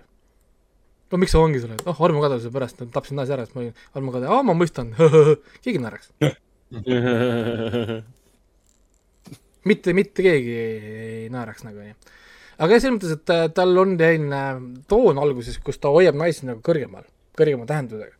kuid siis ta umbes teise-kolmandiku ajal ta või viskab selle naise ülendava tooni minema ja siis ta taandab naised põhimõtteliselt ainult oma bioloogiliseks funktsiooniks lapsi saada. Et umbes, et kui naine last ei saa, tal ei ole eesmärki ja, ja ta, ja ta ei saa olla õnnelik. see on niisugune provo-, provo-, provokatsioon, aga ta viskab siin palju stuff'i küll, sa näed siin laste, lapse sünnitamist näeme näiteks otseekraani peal, suure kinoekraani peal, kuidas beebi välja sealt hüppab kogu selle stuff'iga. mis saalis sa vaatasid muidu? see oli, issand, Icesense või? ei olnud Icesense Aa.. kas ta oli ka ikka Artis ja suurem saal või? aa, vist oli ikka ja suurem saal vist jah, minu arust. aga no okei eks, seal jah, ekraanil on kõike toimunud. jah, ja mm, selles mõttes küll, et siin on, ta on kurb, selles mõttes ka lugu, ma räägin, see laste oma on eriti kurb, see nutavad öösiti, kedagi ei huvita neid, see toitmised, linnapumbad, kogu see protsess, kuidas lapsed, vanemad, vanemad mängivad nendega, osad ei taha mängida. siis see otsimine, protsess, et leida lastele kodu, kohta pärast, et äh, väljasaamised ja issand, siin on nii palju nagu stuff'i. Ta on niisugune nagu õpetlik ka, ma räägin, et sa õpid, õpid seda nii palju tundma selle vanglasüsteemi kohta, mida, sa ei mõtle selle peale tegelikult kunagi, keegi ei mõtle selle peale, et oh, vangis saavad ka naised lapsi, mis nendest lastest siis saab. palun väga, siin saad teada, mis nendest lastest saab ja, ja kõik need protsessid, Covid on ka asi muidugi, see on Covidi ajal juba tehtud ähm,. erinevad need isolatsioonid ja värgid ja üldiselt film on tegelikult veidral tehtud nagu soojades toonides või ma ei tea, kuidas seda nimetada, et tal on niisugused soojad toonid ja ta valib nagu kaadrit ka väga nagu pehmelt või nagu hellalt. umbes, et ta teeks nagu oma perest nagu mingit dokumentaalfilmi või midagi. ja, ja samal ajal see tegelikult jätab naistest nagu nii hea mulje või nagu nii huvitava mulje ja siis tegelikult on ta tehtud mingi suvalise mehe nagu poolt. et, et ei tea, siin on om- oma, omajagu asju, mida jälle lahti pakkida, et et seda on nii kergelt, kergelt nagu võtta ja siis, mis mulle tegelikult pakkus huvi, oli siin sees olev nagu niisugune peidus põhimõtteliselt nagu minidokk, kus siis need sada seitse ema siis äh, hulgast välja valitud ähm, osalised naised, kes rääkisid oma lugusid, kuidas nad vangi sattusid ja miks nad oma mehi tapsid. kirjeldavad, kuidas nad näevad unenägusid, kuidas äh, mehes on näiteks kaheks, et äh, hing, mehe hing ütleb talle, et sa ei saa mind kunagi tappa, ära muretse, ja siis keha on umbes tige, et sa tapsid mind ära ja sa ei näe mind enam kunagi, on ju ja, ja erinevad nagu viisid, kuidas nad kirjeldavad neid protsesse või kuidas teda võttis viha üle, kui ta tuleb koju ja ta näeb, et ta mees mingi magab mingi teise naisega ja siis ta võttis selle raudtoru ja peksis seda umbes vastu pead, seda naist ja ja noh, kirjeldavad neid protsesse, kuidas nad põhimõtteliselt kahetsevad seda nagu koheselt ja ja ja noh, kõik need on nagu noh, asjad ja siis noh, ja nii edasi, et äh, ja siis üks, üks kirjeldab, kirjeldas ka protsessi, kuidas ta oma mehega siis lapse sai mõlemad on vanglas ja siis maksid seal valvuritele, et, et, et, et koos siis magada saaks ja nii edasi ja nii edasi. et äh, jah, ma ei tea äh,, tõenäoliselt oli hea, kuus koma viis punkti kümnest, ta oli huvitav film, ta ei ole küll mingi üüber super äh, dokfilm võrreldes siin näiteks sama see Põgenemine või see Maailm ilus on poiss, on ju, aga tõesti, piisavalt, piisavalt hea, et, et ma olin oma valikuga selles mõttes nagu rahul. nii, liigume järgmise filmi juurde, The Eyes of Tammy Faye kuna see on suur Hollywoodi film, te vaatate ka seda või? ja mina vaatan nüüd kahekümne kuuendal. okei okay,, siis kuna teil mina on aeg, jätan, jätan, ma jätan selle kinosse, kinolevisse jätan selle. ähm, jah, ma mõtlen ka, et kuidas, kuidas, kuidas me seda nüüd teeme, et meil on nii palju tegelikult stuff'i räägitud, nii palju filme räägitud ähm,. Me äh, kõiki niikuinii täna ei jõua läbi võtta, et, et me saame selleks äh, järgmises selles mõttes ka jaa, meil on kohe varsti kolm tundi täis, äkki me teemegi nii, et me lä- äkki jätamegi siin kohas pooleli või? ma mõtlen ka. ja jätame siin pooleli ja teeme, teeme nüüd järgmise saate vahel veel ühe saate, ilma kuulajate mängudeta ja asjadeta. lihtsalt räägime PÖFFi filmidest. ma jõuan vahepeal veel kirjutada, ma võtan veel kokku, sest selles mõttes meil täna pole mõtet, sest mul on, mis ma, mis mul praegu oli kirjas ennem, kui ma võtsin juba osa maha. The Eyes of Tammy Faye tahtsin rääkida, Päris Annab tahtsin rääkida, Paralleelemad, In Silico meetod tahtsin rääkida äh,, Reflection peegeldus tahtsime rääkida, Drive My Car, kolmetunnine film, me võime sellest rääkida tund aega juba, see film on nii packed, see on parim stsenaarium, easy, fucking hell, üheksa koma viis punkti, minu PÖFFi number üks film praegu äh,. Be-, Beginning, on ju, algus, mis film sul lemmik oli? Drive My Car on mul praegu PÖFFi listis number üks. Ah, okei, läks Anetist okei. mööda, ta läks Anetist mööda. siis äh, Amira on ju Egiptuse mega hea äh, story'ga film, niisuguse lõpu, lõpupondiga, et holy shit, on ju, lõhki, lõhki rebitud dokumentaalfilm, mida ma e- Hendrikule juba kirjeldasin, kus kohas äh, Mägi ronija läheb äh, ja kaob ära üheksakümmend ühe, üheksa aastal ja ta hiljem leitakse laip üles, siis tal on kaamera peal ter-, seal terve tema koos. on ju ähm,, Belfast, meil on rääkimata, siis Inimene pilv, India debüütfilm ja PÖFFi maailma esilinastus on ju. mis läks valesti, What went wrong, mis on põhimõtteliselt see maailma halvim inimene, aga paremini tehtud sama, täpselt, täpselt, täpselt, sama film äh,. sinu jaoks loodud I m your man, on ju, mis olid mõlemad kõik saalid täis müüdud, siis kuradi piletit ei saa sinna, on ju. The Friends Dispatch, Wes, Wes Andersoni ultra packed, mega kiire tempoga. kakskümmend neli detsember kinodes. hästi, hästi, hästi hea film. Dealer, laste šokifilm on ju. ja Unprecedented, mingi väga veider Jaapani stuff on ju, igapäeva noorte igapäevaelus siis, kui Jaapan on täiesti lockdown'is on ju, et proovivad seal teha kodust amatöörpornot, mm.. kes, kes teenib raha, müües ennast Jälle. äh, vanadele meestele menüü kaudu. ma, mida see tähendab, ma äh, võin rääkida kunagi hiljem. ja nii edasi, et, et ja need olid need filmid, mis ma tahtsin nagu alles täna nagu rääkida, aga nii palju filme tegelikult ja nii raske on tegelikult filmist rääkida ainult mingi paari lausega, sest selline tunne, et sa nagu noh, reedad võib-olla seda filmi. vaata, kui sa lihtsalt ja eriti veel, eriti veel, kui ta väga nagu hea mulje jättis ka, et tahaks nagu pikemat ja laiemat. et siin on küll näiteks filmid, mis ma tahan palju rääkida tõenäoliselt, on see In Silico meetod, mis oli minu Mm. üks huvitavamaid dokfilme, see on seotud ajuga, intelligentsiga, nad uurivad, kuidas teha siis äh, te-, kuidas siis aju kopeerida arvutisse, nii-öelda nagu luua virtuaalne aju. hästi huvitav dokumentaalfilm, teaduspõhine ja niisugused noh, nagu filmid, noh, võib-olla peaks rohkem rääkima Amirast, ma ei tea, hästi kihvt lugu, minu arust hästi huvitav nagu lugu, lugu on selline, kui te ei tea, ma lihtsalt mainin ära, oli, on siis see, kus kohas äh, Palestiina tüdruk Amira äh, hakkab äh, äh, uurima äh,, tahab oma isa kohta nagu rohkem uurida. ja sellepärast, et äh, tema isa pandi kunagi vangi poliitilistel põhjustel ja siis äh, ta, tema ja ta naine siis äh, vang- vangi valvurite abiga smugeldasid vanglast mehe spermat välja, et siis naine nii-öelda kunstlikult vil-, viljastada, et, et nad saaksid ikkagi lapse omavahel, sest mees ei saa vanglast Mm. kunagi välja. ja, ja siis hiljem, kui nad proovisid uuesti teist last saada, selgus, et mees on äh, steriilne. kes on esimese lapse isa, kes on Amira isa? What the fuck is going on? ja ja nüüd, kui Amira on täisealine, ta hakkab seda uurima ja holy shit, see story, mis on, on, on, unfold ib, mind, mind blown ja lõpp muidugi, see äh, asi nagu kokku tõmmata on, on tõesti see ja, ja, ja, ja, ja Amira lavastaja lavastab Marveli äh, Knights of the Moon või Moon Knights äh, seriaali. aa, seda, seda Oscar, ei, jah, Oscar Isaaci seriaali, ja, ja, ja, vau. jah, ehk siis, ehk siis see, mis ta oli? Muhamed Diab jah, tema valiti pe- peale Diab., peale siis seda filmi järgmiseks projektiks on tal Marveli Disney pluss seriaal Moon Knights. ja, ja, ja see film sai kuskil festivalil ka minu arust, kui ma mäletan, selle standing ovation'i just sellepärast, et lõpp oli kõigil nagu mind blown. nii et Amira oli tõesti minu jaoks ka väga huvitav ja ma läksin Amirat vaatama ainult sellepärast, et mul oli aega. PÖFFil. mul oli tühi auk seal vahel. mõnikord satud niimoodi. ei, mul oligi, mul, ta ei olnud mul mitte üheski listis. mitte, isegi mitte back-up listides, ta ei olnud üldse minu seal. lihtsalt mul oli niimoodi, et äh, mul läks see asjad nihu, kui ma tookord ei saanud sellesse äh, sinu jaoks loodud, sest piletid olid välja, välja müüdud, mul tekkis sellega käpp, ma pidin nüüd panema selle sinu jaoks kuskile loodud kuskile mujale ja ümbertõstmisega mul tekkis mingi rõve auk sinna. ja mul oli läppar kaasas, aga, aga mul läppar aku oli tühi, ma läksin sinna, tahtsin minna, ma seda tahtsin panna mingi ühesõnaga mingi asi, ma mõtlesin fuck it, mul ei ole midagi muud teha, vaatasin, mida ma saaksin vaadata nüüd. ja siis vaatasin viieteist minuti pärast hakkab Amira, mis iganes see on, ma lähen vaatama seda. ja, ja siis vaatasin, nii et selles mõttes oli nagu mulle meeldib, kui PÖFFil niimoodi juhtub, et, et kogemata satud vaatama filmi, mis lihtsalt sobis ajakavva ja siis on festivali parim film.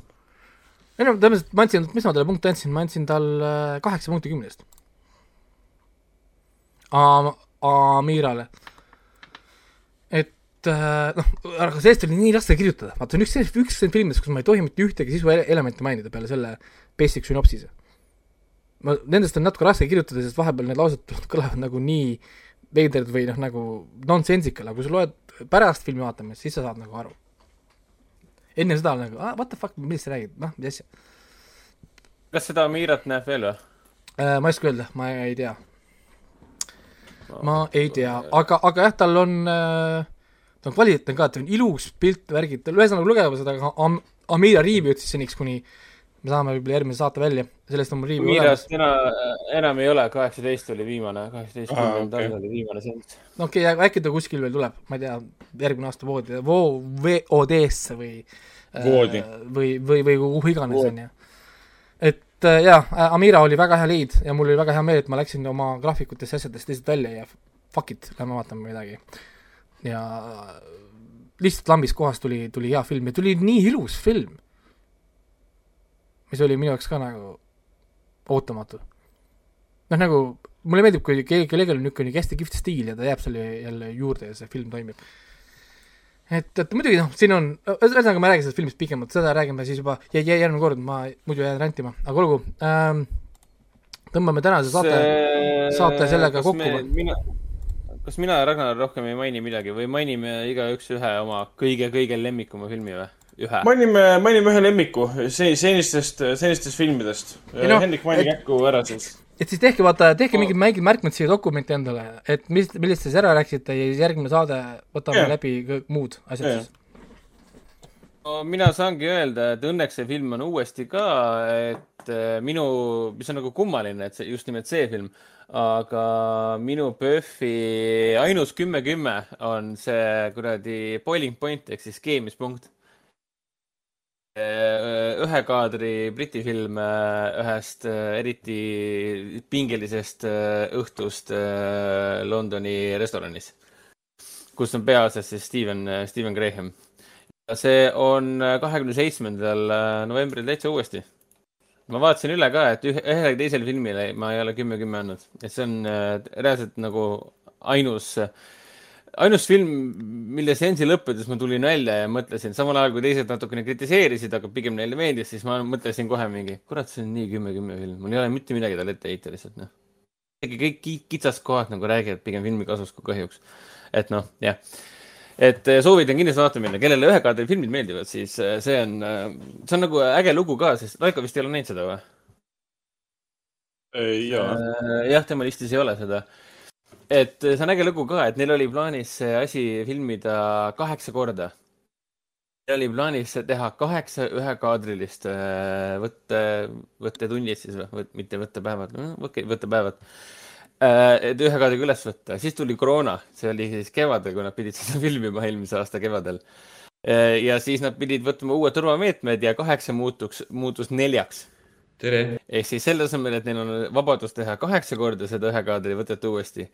Äh,, said nad teha ainult neli. Ja kolmas läks filmiks, kolmas läks reaalselt filmiks. Ja see kõik on indie-film, see on äh, kohapeal Londoni ühes restoranis filmitud. Nendel filmitegijatel siin ei olnud seda luksust, mis on siin äh, Cuaronil ja teistel, et äh, kui autos kaamera liigub, ühe kaadri võte kaamera liigub, siis auto muutub äh, pusletükiks, igalt poolt tuleb midagi lahti, et see kaamera saaks võimalikult palju liikuda, siin seda ei ole kõik on nii kitsas, nagu siin restoranis tundub.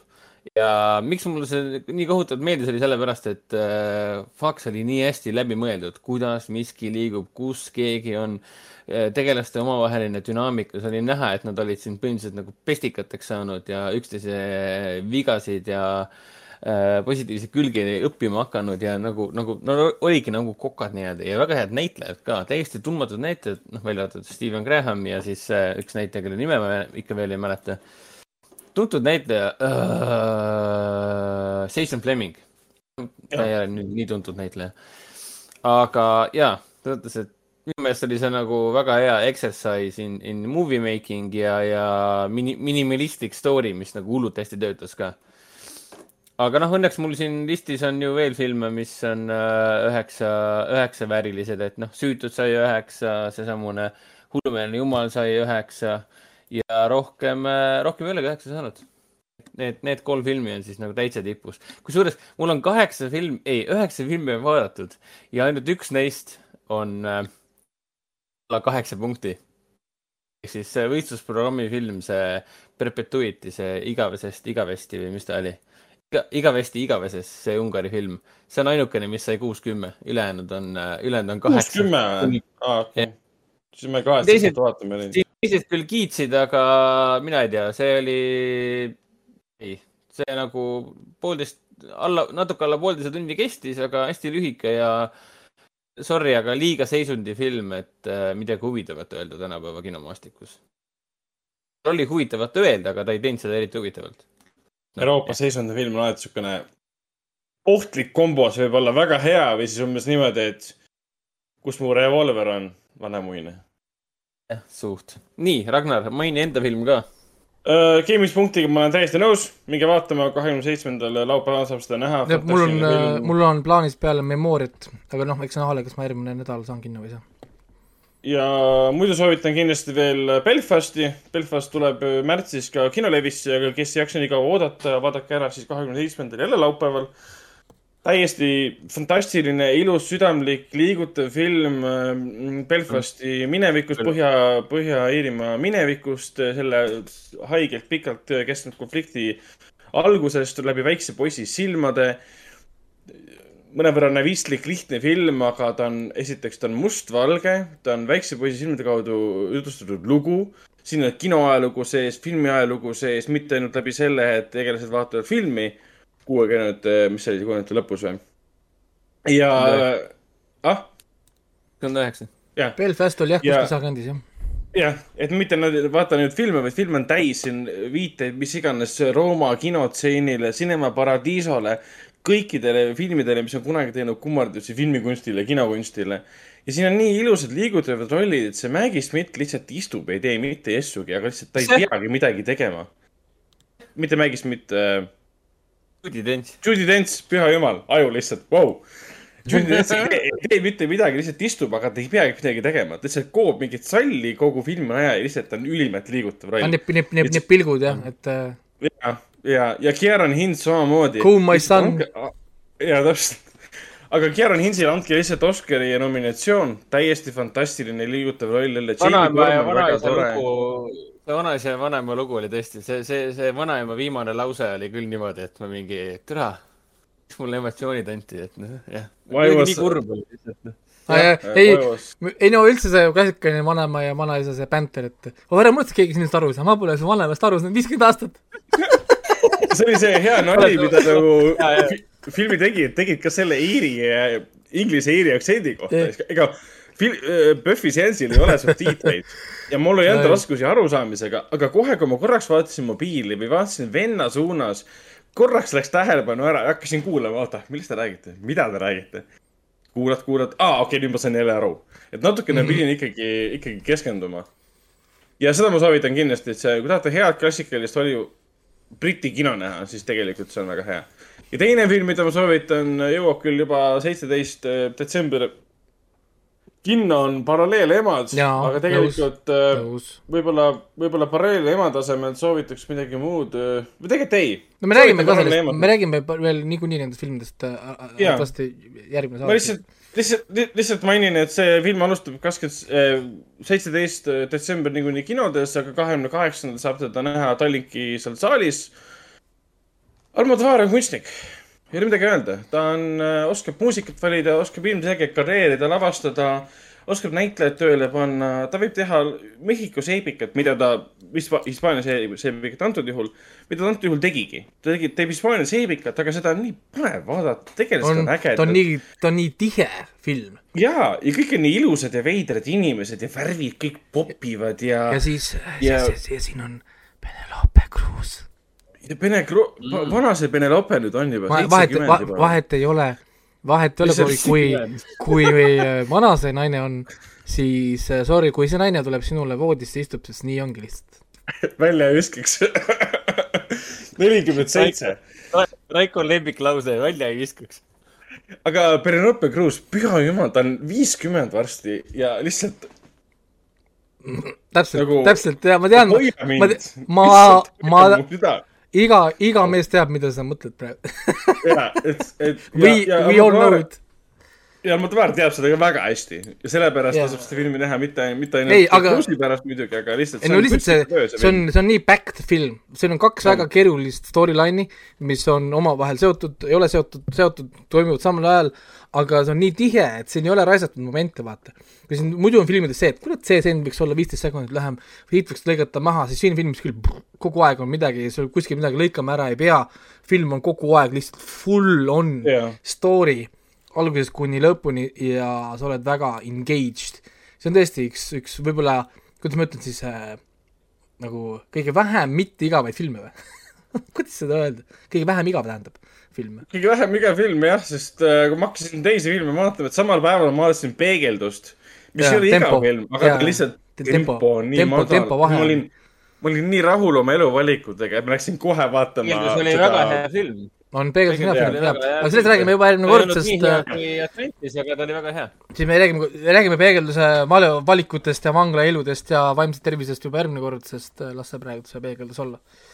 jah, aga siis Pühvi, Pühvi, Pühvi eri oma ära teha, siis me lihtsalt, issand, me ei jõua. ei no jaa, muidugi teeme, sellepärast et äh, ma arvan, et me teemegi vahepeal ühe ära veel saate, ma arvan, et lindistamegi ta võib-olla mingi teisipäeval või mingi päev ära. ja siis ähm, noh, teeme siis juba tavalise saate nagu järgmine kord uuesti, sest ega meil Gutsid ja muud sarjad ja asjad, ega maailm seisma ei jää, sellepärast et meil PÖFF on. nii et, et vaatab siis, kuidas, kuidas jõuab. ja, ja kas mu pere tunneb mind pärast enam ära ja nad lukkemajad ära ei vaheta, siis äh, siis on päris hästi Luke ära ei vaata. et, et kuule, issand, kui, kui hale see oli. ma täna hommikul küsisin äh, kolmanda poisi käest, kuidas stuudio oli. tead, mis ta mulle vastas või? See oli täiesti crazy, vaatab mulle otsa ja et äh, üksinda, ütles mulle. üksinda või? üksik või? üksinda. aa, ja ta magab minul, magas muidu meil kaisus, kaisus nagu ja nüüd, kui Neissit ei ole, issi on ju kogu aeg PÖFFil õhtuti ja pässib, siis ta nüüd magab üksinda noh, nagu oma selles väikses seal voodis seal, ma ei ole kuskil kõrval või kuskil tal seal. ja homm-, hommikul oli, küsisingi, et äh, kuidas see stuudio oli, üksinda. Nii et jah, see läheb otse südamesse ja hinge ja vaimu ja kuhu iganes veel. no ja la, la, lapsed üldse lõikavad mind räigelt. oo, et aa, kui issi, kui sa lähed, issi, issi, issi läheb kinno, siis issi, kas sa vaatad filmi ennem, kui tahad kodus olla või?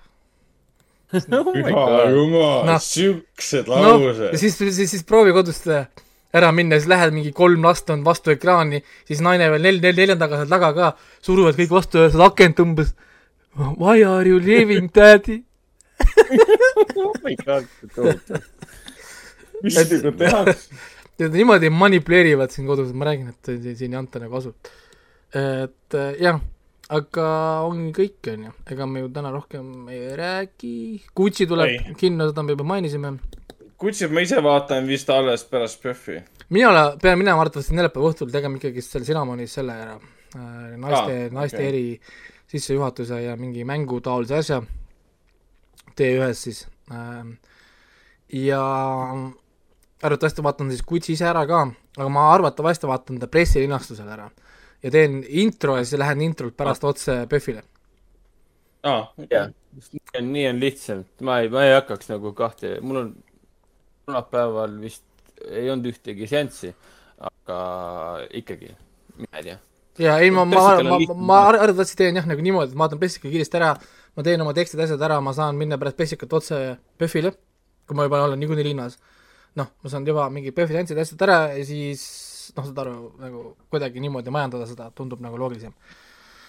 aga noh, kõik oleneb, ma räägin, kas mul perekond üldse selleks ajaks veel on äh, nõus asju minuga koos tegema või mitte. nii äh,, on kellelgi midagi lõpetamiseks öelda?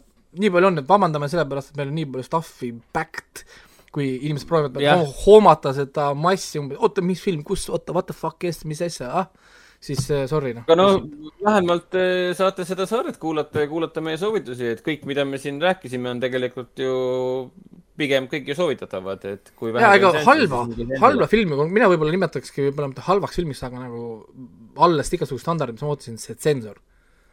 Ülejäänud filmid on tegelikult olnud kõik kuus ja üles film nagu, nagu punkti ma, mõttes, ma, mis ei, on ma, tegelikult ma ei ole ühtegi halba, halba filmi näinud, ma ei ole ühegi tegelikult, filmi nagu- ajal igavlenud ja, ja, ja kõik, kõik, mida me siin mainisime, võite rahumeelselt vaatama minna ja midagi ikka naudite.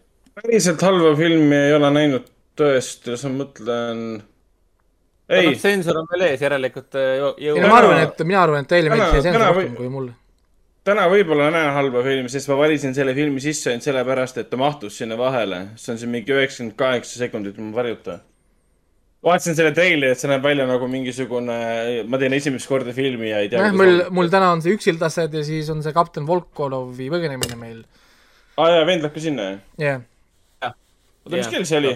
seitseteist, nelikümmend viis, seitseteist kolmkümmend hakkab seanss, veerand tundi varem peaks kohal olema. midagi sellist siis jah. aa, mul lihtsalt memooria sõidab sisse sinna, ja, ja. no mina panin Memoori endale järgmine nädal laupäeva peale laupäev kakskümmend seitse või? ja, ja siis Memoriast siis me ei otse jah. geemispunkti minna. aga Memoriat levitab Best film, nii et ta tuleb vist Eestisse ka. jah, kuulge, aga selge, lõpetame saate ära, kolm tundi peale juba täis, nagu ikka meil see on, alla kolme tunni vist enam ei saa. Ja mina olen ja. Süüdi, ma tean, ma olen süüdi, sest mul on tobe komme vaadata asju mitte ainult üks, vaid võib-olla üksteist ja rohkem. nii et äh, vai, vai, vai, ani-, ani-, ani-, animeed ja see on okei okay.. kuulge jaa, aga ei, kui ma vaatan lõpuks aasta lõpuks statistikat äh,, siis kino praegu domineerib ikkagist kohtades, kus ma vaatan, noh nagu filme. siis teine koht on Netflix on ja siis, kui ma vaatan sarjadega, siis of course esimene koht on Crunchyroll on ju, ilma igasuguse konkurentsita ja siis äh, Netflix ja Hulu jagavad siis teist kohta praegu, nagu. aga noh, ma saan täpselt rääkida juba siis aastal, aasta lõpus. ja, ja noh, žanridest on muidugi of course draama ja sci-fi's mis, mis meil siis äh, neid nimekirjasid domineerivad, et nüüd on aasta lõppu lähedal, igasugused listid ja asjad tulevad teemasse. nii palju ma saan küll vaadata, sest statistiliselt ma jään umbes kolmesaja kahekümne filmi kanti, circa, ma arvan, aasta lõpuks, mis on niisugune keskmine aasta ja kõiki asju arvestades äh, ei ole väga niisugune viljakas filma, filmiaasta meil olnud. ja kui te mõtlete, et ma, issand, kas see on nagu palju filme, siis ei ole. kolmsada kakskümmend on tegelikult filmikriitikul tegelikult väga niisugune kesine number. et üldiselt sa peaks saama ikkagi nelisada filmi esimene number. ja, ja kui sa oled ikkagi täis elukutse ainult filmikriitik, siis sa paned seitsesada filmi. nii et äh, jah, aga kuna ma ei ole ainult filmikriitik, siis mul on vabandus, ma vaatan ka seriaale, ma vaatan äh, videomänge, teen lauamänge muidu ka. nii, vot, aga loeme, loeme saate saateks ja, PÖFFile, PÖFFil kestab pikalt, nii et nautige. ja kindel, kindel, et äh, PÖFF kestab või? nädal aega veel kestab. oi, PÖFF kestab sitaks, PÖFF kestab üheksateist, üheksateistkümnenda detsembrini, kui veebikino ka panna juurde. nii et äh, meil on aega, aega küll ja küll. Isegi ma seda ei maininudki, et ma vaatasin ju Merta kuus kaksteist ära ka ja, aga noh, eks ma järgmises saates mainin seda. meil, meil teeme vahepeal ühe, ühega saate jah, lihtsalt aga nagu ta, mitu erisaate stiilis, sest ilma nende kuulajate mängudeta hästi, sest kuulajate mäng on ikkagist äh, noh, nagu täisnädal saate äh, vastata ja teha.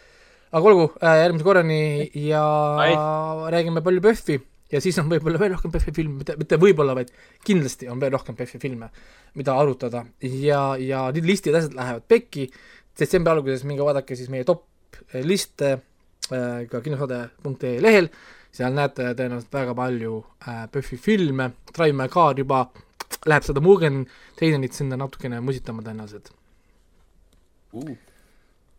nii. teie, tšau. näeme. oli tore, tšau.